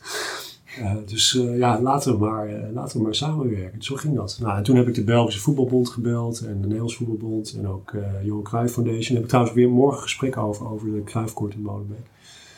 Ehm, en ja, toen zijn we dat vredesproject gestart. En er zaten voor mij meerdere componenten aan. Want kijk, ik ben natuurlijk ook niet naïef. Hè? Ehm, ik wist dat, zeg maar, ehm, dat, dat er ook een bepaalde politieke en bestuurlijke mores was die nou niet tot de beste effecten en resultaten kan leiden. Als je zeg maar aan eh, cliëntelisme doet op lokaal niveau, dan, dan, dan dat betekent dus niet dat de beste mensen op de juiste plek zitten, om een voorbeeld te geven. Er zijn ook dat bepaalde signalen die belangrijk zijn om een vitale samenleving te garanderen. Dan weet je ook dat die signalen niet doorgegeven worden. Nou, dat is dus, dan creëer je dus ruimte voor degene die met het meest radicale signaal. Dat is dan wat je doet. Nou, daarvoor zijn jullie niet naar Afghanistan gegaan, omdat we dat probleem dan, in, eh, zeg maar, dan weer in, eh, in Brussel laten gebeuren, doordat de bestuurders niet de verantwoordelijkheid nemen. Dus mijn, eh, vanuit verandermanagement perspectief, want dat is mijn, een beetje mijn domein, vond ik het inter- interessant om ook die tijd te benutten om de bestuurlijke elementen te, te, te bestuderen. Dus dat is dan participatieve observatie wat ik heb toegepast. Daarnaast heb ik gesproken met, met de slachtoffers van de aanslagen. Ik heb gesproken met eh, hulpverleners, met politie uiteraard. eh, met eh, ook mensen die uit die geïsoleerde families komen, die eigenlijk nooit geïntegreerd zijn in, in de bredere context van Molenbeek, Brussel, België. Ook familie van de... Nee, de- zover, zover net niet. Uh, maar wel dicht daarop. Uh, ik heb hele, we hebben vanuit de Rotary, onze Rotary Club uh, hele indringende uh, getuigenissen gehoord van mensen die zeg maar, die aanslagen in Zaaften hebben meegemaakt en wat voor effecten dat heeft gehad. Um, ik heb ook het, traject gevolgd. Hoe ga je dan om met, met in, dit geval met, vanuit, vanuit de overheid, met zeg maar ja, genoegdoening aan de slachtoffers van de aanslagen. We hebben zelfs in een stadion hebben we zeg maar ook het, ons lied Change Your Game. Dat gaat echt zelf als oh, Walk Aside the Mile. Change Your Game hebben we laten uh, weer klinken. En uh, dus ik stond daar in het stadion met de, de huidige ambassadeur van Nederland in Frankrijk. En, uh, en zijn vrouw. En, en, we hadden ook de eerste grote sponsor, dat was British Telecom, hadden we erbij. Hij was natuurlijk fenomenaal, zeg maar, dat moment ook. En met twee kinderen van slachtoffers. Die, want ik had dus de supporters van, van uh, RWDM Molenbeek had ik uh, via ons, via de president van uh, RWDM Molenbeek had ik gevraagd om knuffels mee te nemen. Zoals ze dat in Den Haag ook doen als ze naar, naar Feyenoord gaan. Ja, Dat vond ik een super gaaf. super ja, gaaf. Kika doen ze dat dan. Ja, maar dat is toch, dat is toch fantastisch dat je zo op die manier met elkaar verbonden bent. Um, dus ik dacht van ja, dat, ga, dat is een idee, dat, dat neem ik over. Ja, en op een gegeven moment kwam er dus van Saint-Gilles en van uh, Erwin Molenbeek uh, in de tweede helft kwamen van alle kanten werden knuffels uh, op het veld gegooid. Zakken vol, joh. voor, de, voor de kinderen die dus ja, met slachtoffers te maken hebben. Van, waar een vader bijvoorbeeld een been verloren had en zo. Ja, dat, dat zijn hele mooie momenten. En ik denk dat we, weet je, dan, dan, dan verbind je op dat moment de hele samenleving met elkaar. Mm. Die vader die zijn been verloren had, was een, een Belgische man met Marokkaanse roots. Dus dan zie je ook, uh, dan zie je ook maar weer dat, dat zeg maar, je nooit zeg maar, eh, de, de, de, het etnisch profileren mag doen. Dat mag je nooit doen. Je moet zeg maar, de mens altijd als mens volwaardig zien en daarmee het, het gesprek, uh, het oogcontact hebben, het gesprek uh, zeg maar, aangaan. En uh, de, de, de, de, de, de, de, de, de pijn die die man heeft gehad, de, de, de, de weerbaarheid die hij heeft getoond, ook voor zijn kinderen om er weer bovenop te komen. En de moeite die hem dat gekost heeft. Ja, dat, is, dat, zijn, dat zijn levensverhalen, hoor. Dat, ik, en ik, ja, ik gun niemand om zoiets mee te maken, maar als je erin zit en je, en je bent in staat om er toch weer zo uit te komen, ook voor je kinderen. Ja, die kinderen zitten trouwens ook in een videoclip. Ja. Maar dan heb je wel wat te delen. Dan heb je wat te delen, ja. heb je wat te delen. En kijk, dat is dus een beetje, de, dat is dan voor mij de preventieve kant eigenlijk. Hè? Mhm. Door die verbindingen met elkaar te, te doen, kan ik dan ook een zou het zo kunnen werken dat ik dan daarmee ook een bijdrage lever, dat uh, militairen niet zomaar op missie hoeven te gaan, bij mm. spreken. dus we hebben elkaar nodig, we hebben de, de, civic society nodig, en we hebben de militairen nodig, we hebben de politie nodig, we hebben iedereen nodig om zeg maar te zorgen dat we een goede samenleving blijven. En we hebben ook bestuurders nodig die niet corrumperen, die zeg maar vanuit echt uh, uh, zonder lastende rugspraak, vanuit niet meerdere belanghebbenden, de beste beslissingen nemen voor ons land, voor ons allemaal. Daar moeten we vanuit kunnen gaan. Dus het hele systeem, uh, dat, moet, uh, ja, dat moet kloppen. Ja. En daar waar het niet klopt, dan gaan we lopen. Dan gaan we net zo lang lopen tot het, ja. tot het wel ja, maar met, er wordt wel vaak dan gezegd, ja, weet je, er, er, is geen goed leiderschap of er is dit of dat. Ja. Terwijl, wat ik zelf een beetje observeer nu, is dat ik denk dat we het leiderschap veel meer bij onszelf moeten gaan zoeken nu. Mm -hmm. Kijk, en in plaats van naar die sterke man te kijken, die sterke partij, die coalitie, ja. en ons daarachter scharen. Ja. Van, nou, weet je wel, het systeem moet voor ons werken. Ja. Um, ja. En je moet ook gewoon zelf leiderschap gaan tonen nu om de dingen te gaan doen die goed voor jou zijn. Ja. Uitgaan binnen de regels van de wet, et cetera, et cetera. En dan gaat te snel, moet een brief naar de koning schrijven, en jou daarvoor.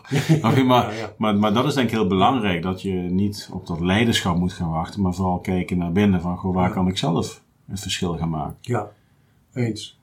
Daar ben ik helemaal met je eens. Ik denk dat dat een hele terechte observatie is. Ook in een, ehm, in een tijd van, van grote verandering, transitie, waar je, waar je toch schuivende panelen ziet, zeg maar, is het heel belangrijk vanuit je eigen kracht en intuïtie mhm. eh, te starten en, en, en, na te denken, te observeren en ook de hand uit te reiken naar anderen, zeg maar.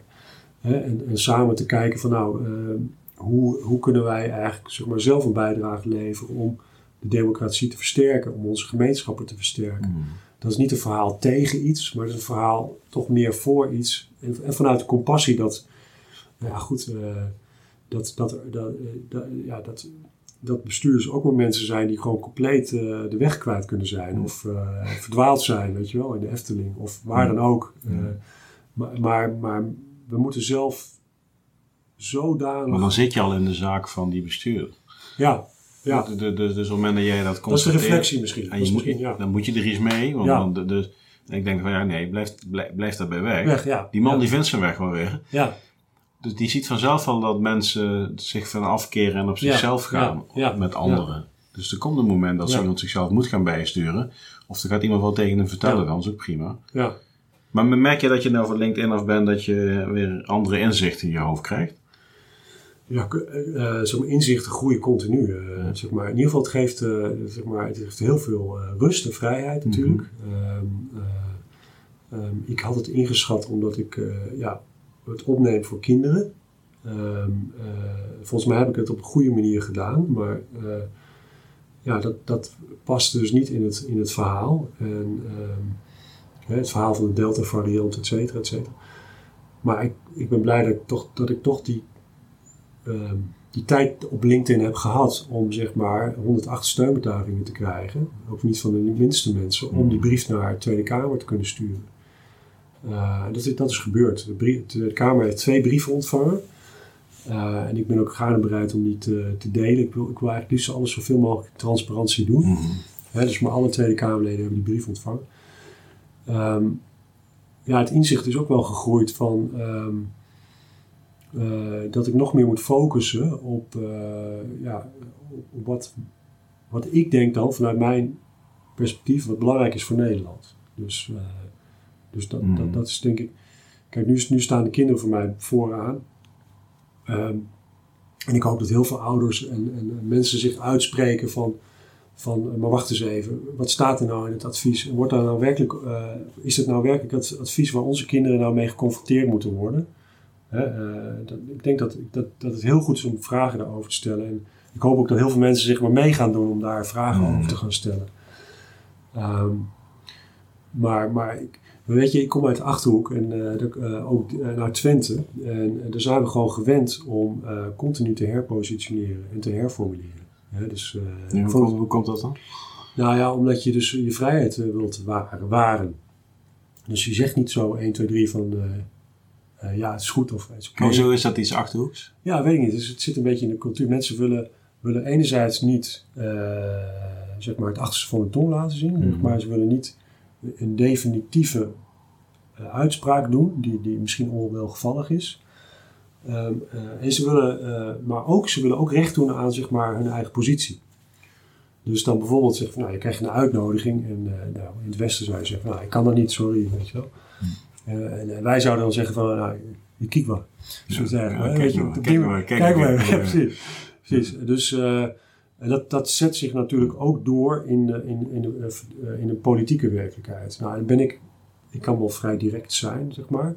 Maar ik ben wel ook iemand die, die continu probeert weer te, te herpositioneren vanuit het belang wat ik voor ogen heb voor Nederland. Hè. Dus dat is, en, en herformuleren. Dus ja, ik ben niet zo snel in, uh, in een, gevangen, zeg maar, in een bepaalde. Dus, dus het LinkedIn-verhaal is natuurlijk vervelend, maar, ja. maar het, is, het is niet het einde. Nee, maar kijk, het, het, het, het dwingt je ook vaak om uh, iets te vinden. Als ik kijk naar mij, eigen, wat ik ook ja. zelf, dus je ziet, je ziet iemand iets, iets posten. Ja. Uh, nou, dan, dan heb je vanuit je eigen kennis of ervaring. Ja, ik moet die wel op reageren, want uh, hey, ander inzicht delen. Ja. Dus dan zit je continu eigenlijk in een soort van uh, moderne clash. Ja. maar eventjes. Ja. Maar nu je er vanaf bent, kun je recht op acties. Ja. Die leiden tot een betere wereld. Ja. ja. En dat ontstaat dan wel, of je dan wel of niet die chat nee, op LinkedIn, nee. weet je wel. Dus klopt, klopt. Zij moeten met z'n allen van LinkedIn af en gewoon dingen gaan doen. Ja. Heel zeker gezegd. Zeker, zeker. Nou goed, de, ik ben het met je eens. Dat is, dat is, eh, die kant ga je dan uiteindelijk op, hè. Um, en ik zie ook wel dat er nieuwe platforms worden opgezet en zo. Sowieso denk ik dat we een beetje meer van het, uh, van het beeldscherm af, uh, af mm-hmm. moeten. Uh, en ons echt moeten focussen ook om die de lokale democratie te, te versterken. Ik bedoel, er zijn de afgelopen jaren ongelooflijke taken op gemeentelijk niveau bijgekomen. En ik, ik ben ook, weet je, burgemeesters, gemeenteraadsleden, mm-hmm. bestuurders lokaal, die kunnen dat ook allemaal niet alleen. Dus, dus die hebben ook gewoon support nodig. Dus als wij ons onze democratie willen herrevitaliseren, uh, of nog vitaler willen maken, laat ik het zo mhm. zeggen, dan zullen we ook die nabijheid met elkaar moeten, moeten gaan zoeken. En dan moet ook meer offline plaatsvinden. Ja. Alleen het platform biedt je natuurlijk wel een mogelijkheid om, om uh, te verbinden. Ja. Uh, en en ja, dus nou heb ik al die contacten heb ik, op verschillende manieren geborgd. Maar het is wel jammer natuurlijk dat je op zo'n platform ehm, niet meer je stem kan laten horen. Hè? Dus uh, ook als het, als het een kritische, maar ook verbindende stem mm. is. Um, maar goed, ik, uh, ik, ik, ja, weet je, elk voordeel heeft zijn nadeel, zeg maar. Ja. Dus, uh, dus dat is, zo is het natuurlijk ook. En, en, en ik, nou, ik ben, ben optimistisch over de toekomst. Ik ben wel een beetje bezorgd over de nabije toekomst, zou ik zo zeggen. Want ik zie toch die glijdende, staal, glijdende schaal in, in de manier waarop de besluiten tot stand komen en adviezen tot stand komen. En ik vind dat niet passen bij ons, onze staat van dienst als land. Ik bedoel, generaties voor ons die hebben die democratie bevochten en ook die kernwaarden bevochten, zeg maar. Dus, we sturen militairen op missie die zeg maar, ook die kernwaarden in hun, in hun bloed hebben en die zeg maar, echt actie moeten ondernemen. Die hebben niet zo heel veel ruimte om, het, om te wijfelen. Die moeten, die moeten in een bepaalde situatie actie ondernemen vanuit die waarden. Dat is het vertrekspunt. Ehm, dus ik zal nooit zonder slag of stoot zeg maar, accepteren dat we in een uh, soort communistisch systeem uh, opgroeien. Zeg maar. dat is iets, uh, die discussie zie je ook in Amerika. Hè? Dus, maar, ik, ik, ik vind het belangrijk dat, dat we zeg maar, daar een heel groot open debat over hebben. Wie wij zijn en wie we willen zijn. En, wie we, en, en, en, wat voor ruimte we onze kinderen willen gunnen over een aantal jaar. Ik denk dat het heel belangrijk is om daar, misschien moeten we daar ook gewoon een nationaal debat over hebben. Wat meer strategisch debat met elkaar.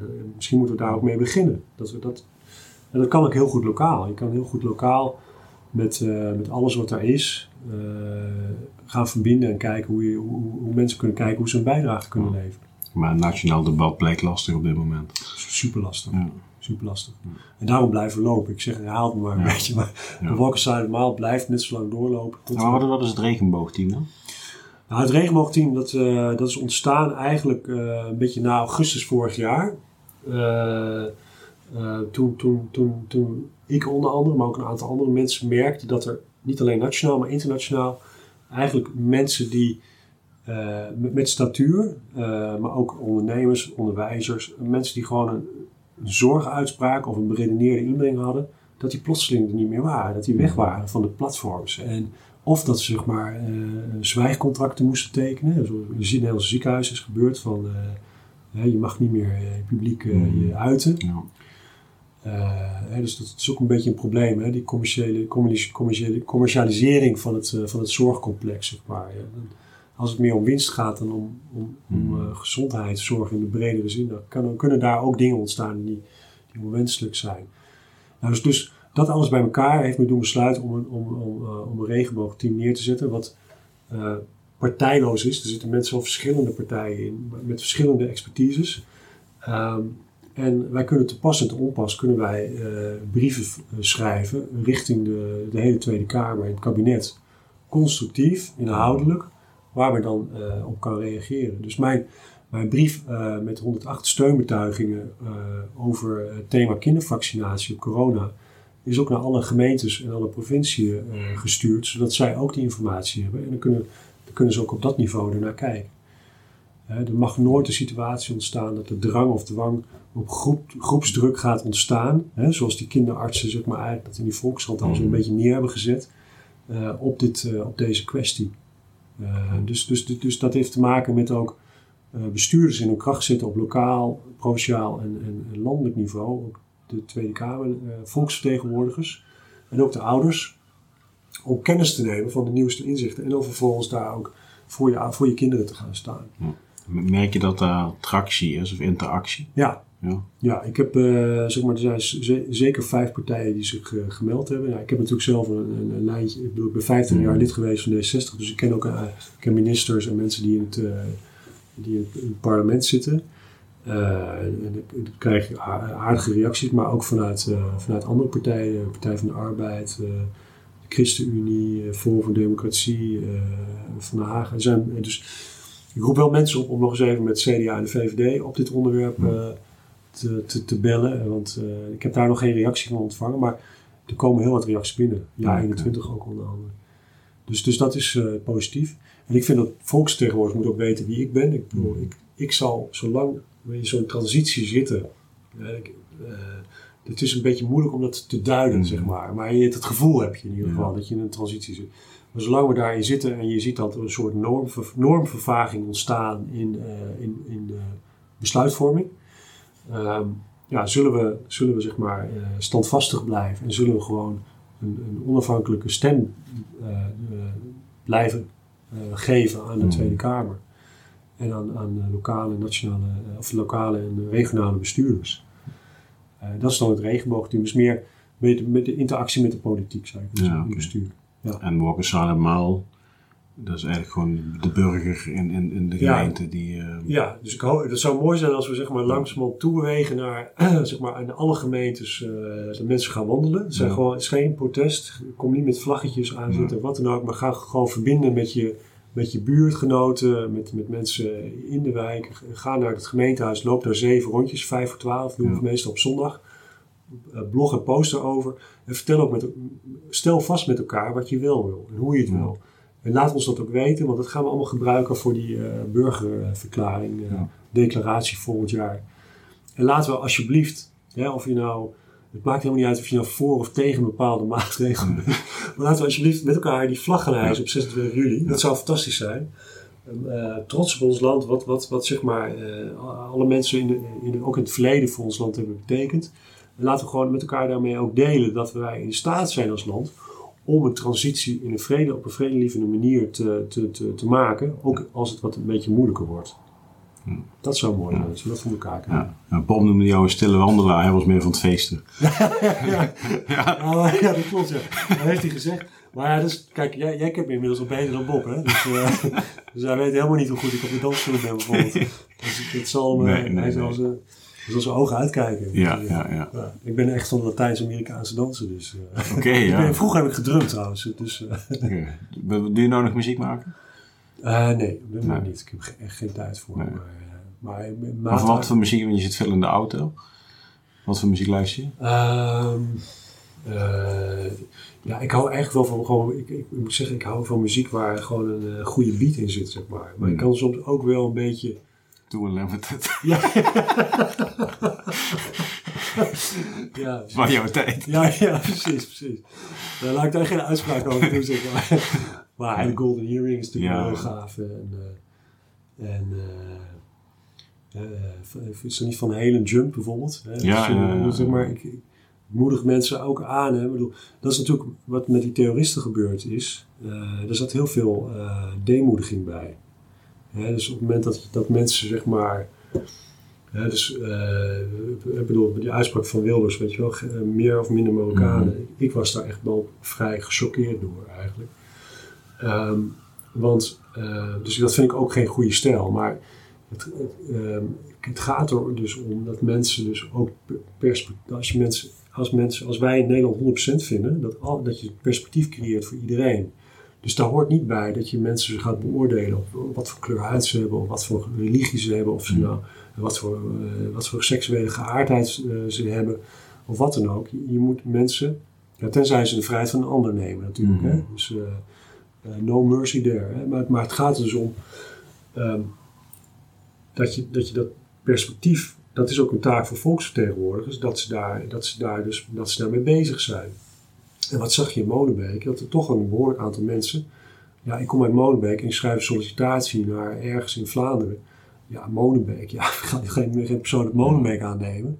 Dus je creëert daar ook een situatie van, uh, van deemoedigheid, van mm. verlorenheid. En ja, dan moeten, we ook, dan moeten we ook met elkaar vaststellen dat, we zo, dat, het, zo niet, dat het zo niet verder kan natuurlijk. Dus, dus uh, dat we, dat we als we met elkaar samenleven, dat we dat dan ook ten volle moeten doen. Ja. Uh, en met elkaar de verbinding moeten zoeken. Dat, ja, we leven op een heel mooi stukje van de aarde met z'n allen.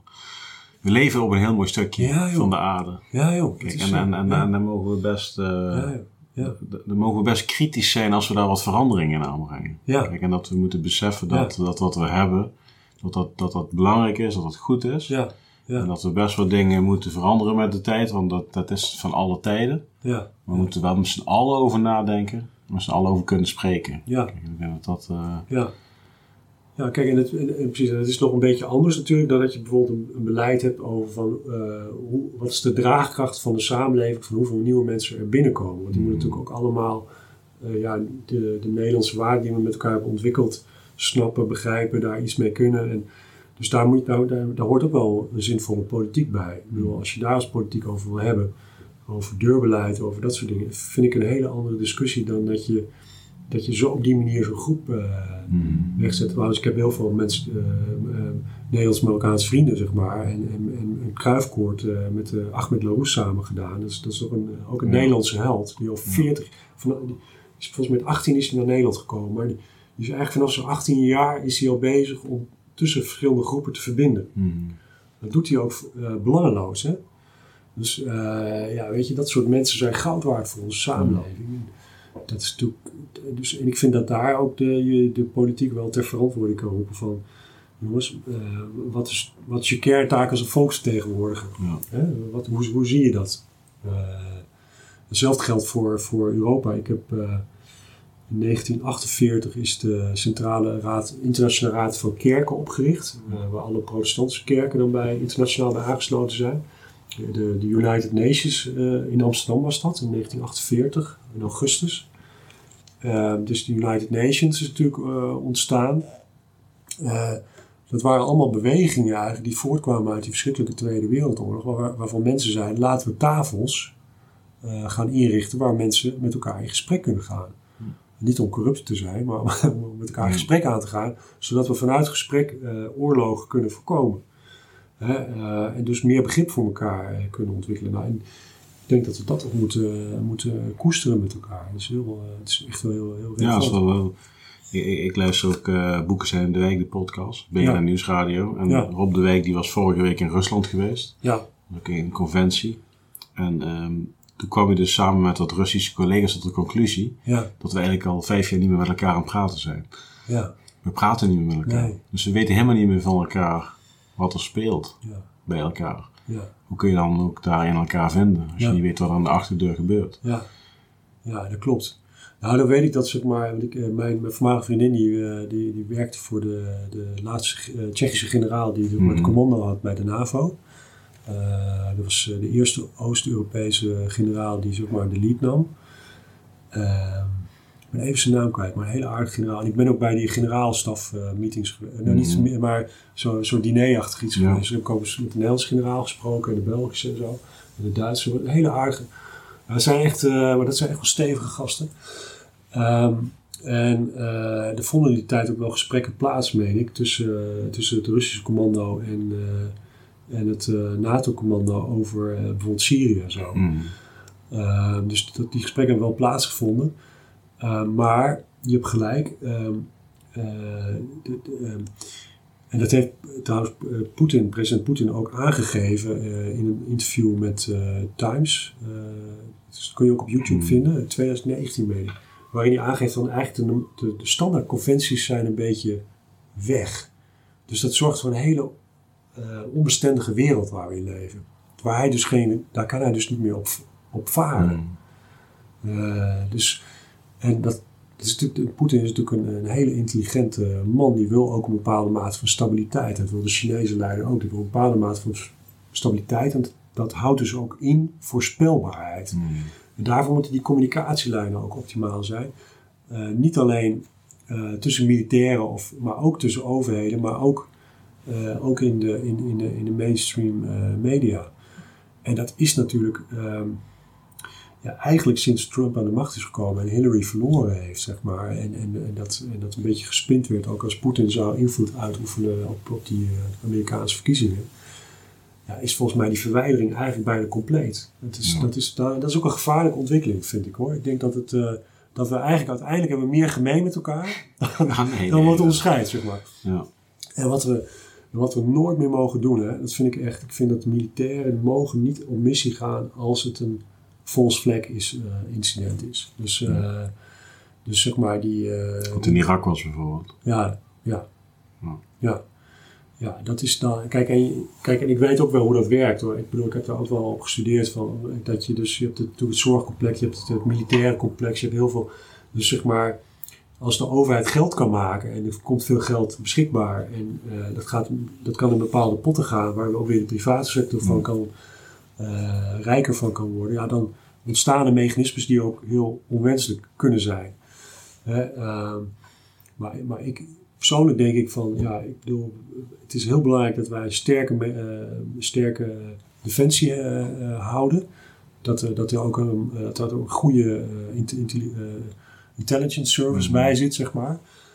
Eh, maar dat we ook daar onze tolerantie heel erg hoog moeten hebben ten aanzien van eh, zeg maar de, onze top drie of vier eh, potentiële vijanden, om het maar zo te zeggen. In de zin van dat we ook daar begrip en compassie en zo toch wel vrij hoog moeten, moeten houden. En, met name die belangen ook goed moeten. Ja. En volgens mij Klingendaal doet dat volgens mij altijd wel redelijk goed. Hè? Die hebben daar een goed, eh, bieden goed inzicht in die, in die ontwikkelingen. En daar hoort dus inderdaad ook bij de-escalatie door communicatie. Ja. Dat is, een, dat, is, dat is ook een, eh, eigenlijk is dat een militaire strategie. Ja, De wereld is vaak veel minder gevaarlijk als dat we Ja, denken tuurlijk. dat die is. Tuurlijk, tuurlijk. Dat de andere partij denkt dat namelijk ook. Ja, natuurlijk, dat, natuurlijk. Is, dat is vaak het, eh, het gekke. hè. Natuurlijk. is, eh, En dan heb je zo'n polarisatie en dan heb je zo'n geëscaleerd. bedoel, eh, alle wapens die we hebben, alle, bedoel, je, Mhm. dat je, wel goed, jij kan het beter vertellen dan ik, maar dan krijg je een hele andere oorlog dan de Tweede Wereldoorlog, Ja. volgens mij. Ja. Dus, dus wij. eh, dus ik, ik vind het op zich op die zin ook niet zo erg dat ik een soort, in- nu een soort data, of een dataoorlog zit, bij wijze van spreken. Was ik- misschien nog een grapje eh, richting jouw kijkers. Ehm, ik was dus in, eh, in, eh, in Spanje bij mijn familie in mei. En toen vertelde ik van, nou ja, in, in, in de laatste maanden vond ik het opvallend dat in mijn top drie van, eh, van eh, instituten die naar mijn blog kijken, zat zeg maar altijd eh, de, de, de, de defensie. ja. En ik zeg van, nou, ze zegt, nee, onzin Unico. Ik zeg, het is echt waar joh, echt waar. Dus, maar goed, ik ben vrij transparant. Dus ik bedoel, ik, ik zal nooit iets doen wat tegen de grondwet is. Ik zal me- mensen niet oproepen om geweld te gebruiken of zo. Ik wil alles binnen de lijntjes van de grondwet doen. Maar ik vond het wel opmerkelijk, snap je? Ehm, dus schijnbaar doe ik dan iets wat zij interessant vinden of wat dan ook. Dus ik zeg van nou, maar ik ga nu een post doen. Die, die, eh, en dan zul je zien morgen dat, eh, dat in de top drie. eh, dus ik zeg van nou ja, ik, ik heb het love virus te pakken. En ik moet tien dagen in quarantaine in, in, in Spanje. En het was gewoon een heel onschuldig gepost. En de volgende dag, jawel hoor, in de top drie stond het ministerie van Defensie. Ja, dat is... en dan denk ik bij mezelf, ja, is het dan zo bijzonder dat ik gewoon soms een mening heb of zo? Is dat nou, is dat nou zo bijzonder? Dat moet toch eigenlijk helemaal niet bijzonder zijn? Ja, als ik deze online zet, dan zal ik wel eh, van eh, LinkedIn verwijderen. Nee, dat ga ik niet vragen. Nee, maar dat- ja, dat is natuurlijk gek. Dat zou natuurlijk heel raar zijn. Ja, lekker. Maar het, het Ja. zijn natuurlijk allemaal algoritmes, Unico. Ja. Het zijn algoritmes die, Ja. die dingen eruit pakken, patronen. Ja. En, als je daar en dat is natuurlijk ook wel natuurlijk de jeugdzorg. Ja, Uh, waar, waar je ook zeggen, op basis van eh, Ja. ja, etnische achtergrond. Ja. Dat je geprofiled wordt. Ja. En dat gebeurt op, op dit platform internet natuurlijk continu. continu, ja. Dus raak je eenmaal een bepaald onderwerp aan op dat moment eh Ja. voer voor de leeuwen, noem ik hem maar eventjes. Dan, dan lig je onder een vergrootglas. Klopt. En dat is toch wel een interessante. Want ik heb dus twee brieven gestuurd naar de koning hè, over de vrijheid van meningsuiting. Daar heb ik van het kabinet van de koning eh, twee brieven op terug ontvangen. En ook vanuit het ministerie van Binnenlandse Zaken, want die zijn verantwoordelijk natuurlijk. Ehm, en, eh, en nu ben ik zelf van, eh, van LinkedIn verwijderd. Dus, dus er vol, gaat nog wel een brief naar het ministerie van Binnenlandse Zaken volgen. Want ik wil wel uitgesloten hebben dat zeg maar, er een lijntje is tussen LinkedIn en eh, de ministeries. Om mij op dat moment waarop ik het opneem voor de kindernotenbenen van Nederland. Dat ze zeg maar, me dan op dat moment de mond snoeren omdat het niet past binnen het narrative wat uitgeserveerd wordt. Wat, het, wat te maken heeft met die Delta variant. Als dat namelijk het geval is, dan hebben we echt wel een probleem. Ja, dat, is dan, eh, eh, dat gaat dan verder om een eh, eh, eh, eh, onbehoorlijk bestuur, zou ik willen zeggen. Dan zitten we echt in een soort democratisch deficit. Ehm, en dat kan ik ook niet accepteren. Dus dat, dat is iets wat ik nog uitgezocht wil hebben. Via- misschien via een WOP-verzoek of via een, een advocaat. Ehm, maar als ik het opneem voor de kinderen van Nederland, en ik doe dat met de, echt met de beste intenties, ook vanuit, van, eh, vanuit wat, alles wat ik gelezen heb en, en vanuit interactie ook met, eh, met artsen die er verstand van hebben.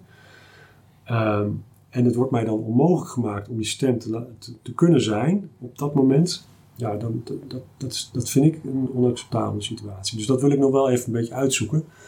Maar dat doe ik weer in een constructieve, op een constructieve manier. Snap je? Eh, we hebben er ook alle tijd voor om het uit te zoeken. Dus eh neem daar Ja. tijd voor. Nou, mooi. Mooie dingen doe je in ieder geval. Ik ben er heel blij mee. En eh, En jij ook, eh, Patrick. Ik bedoel, Ja. fantastisch wat je Ja. doet. En, Ja. ik, ik kijk ook heel graag naar jouw uitzendingen. Ik vond het ook mooi dat je vorige keer Peter, de generaal, Peter in, in de uitzending had. Die heeft ook Achterhoekse roots. Dus ik, zal even, ik zat er even te kijken, kan ik hem nou toppen? Ik kan natuurlijk Peter van hem niet toppen, maar eh, er zit ook een eh, generaal bij ons eh, in, het, in de familie. Dat is mijn bedovergrootvader. De linker. Dat is deze, ja. Ja. Dat is mijn, nou, dat is de, nou moet ik eerlijk zijn, dat is de broer van mijn bedovergrootvader. En die was eh generaal-majoor op Java. Dus ja, misschien is er wel een linkje met zijn familie. Moeten we eens even uitzoeken. Ja. Leuk. Heb je, heb je ooit zelf het moment gehad dat je de dienst inging of moest? Of? Eh, ik was volgens mij net in de laatste lichting van, eh, van dienst, eh, zeg maar.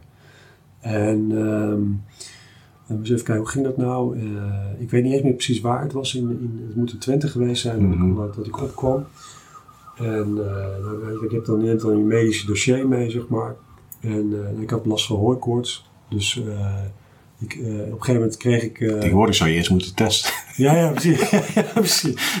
ja, kijk, eh, ja, je- natuurlijk, ik bedoel, eh, er worden dan afwegingen gemaakt. Ik had het wel graag gewild, maar ze hebben mij eh, gezegd, mij gezegd van ja, weet je, eh, je hebt behoorlijk last van hooikoorts. En eh, dat was best wel, best wel pittig. Dus hier heb je een kroket en eh, bedankt dat je bent gekomen.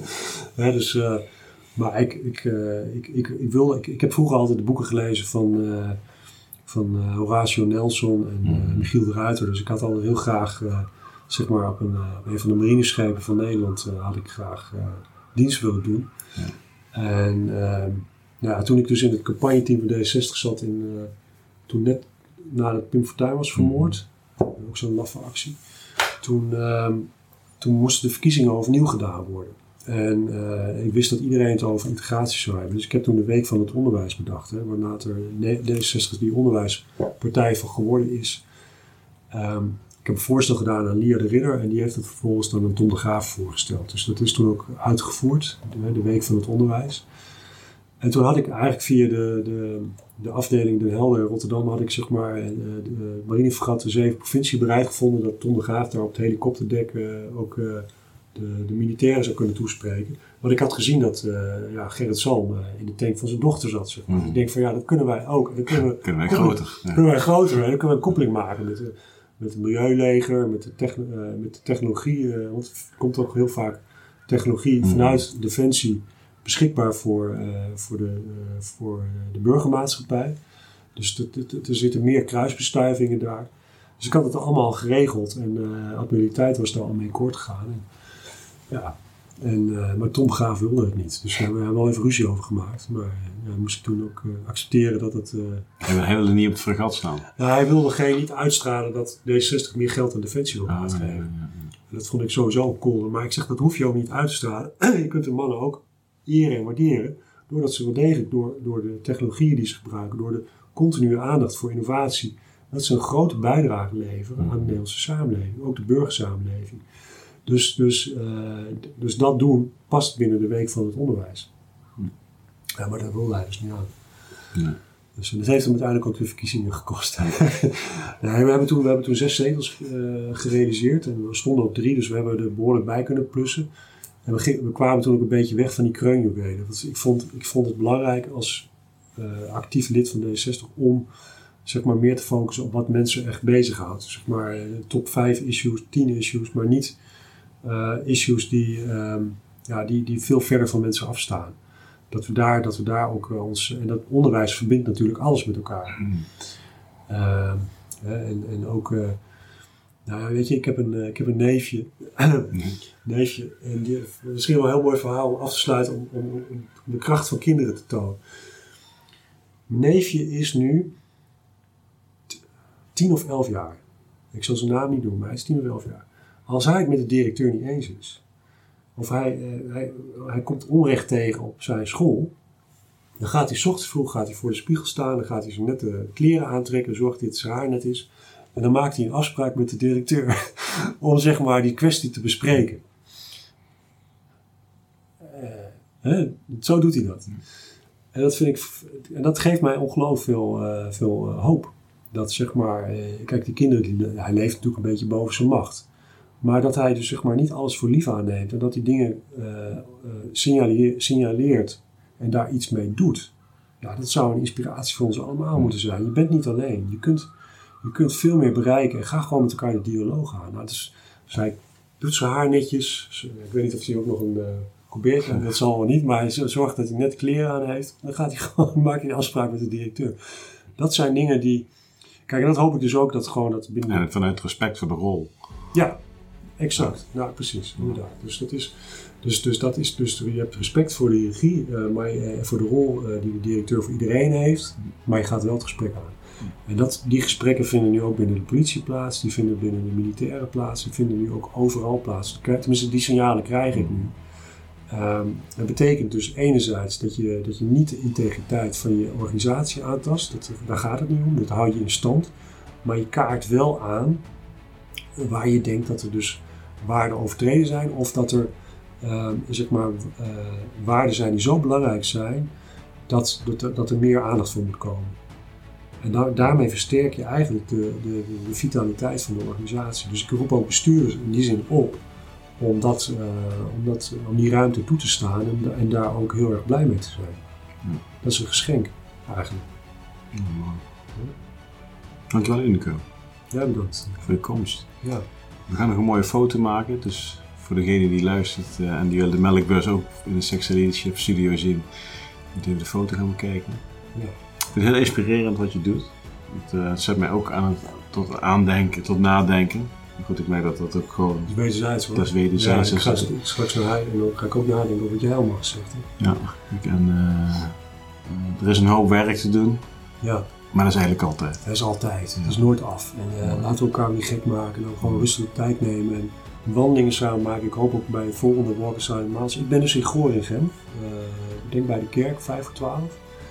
Dus het zou mooi zijn als de militaire politie bij is. Uh, we doen het toch samen. Nederland is 100%. Dus laten we ja. gewoon rustig met elkaar het gesprek aangaan. Dingen delen en, en kijken wat, waar we voor zijn. Wat, wat willen we nou voor de komende 4, 5 jaar met elkaar realiseren?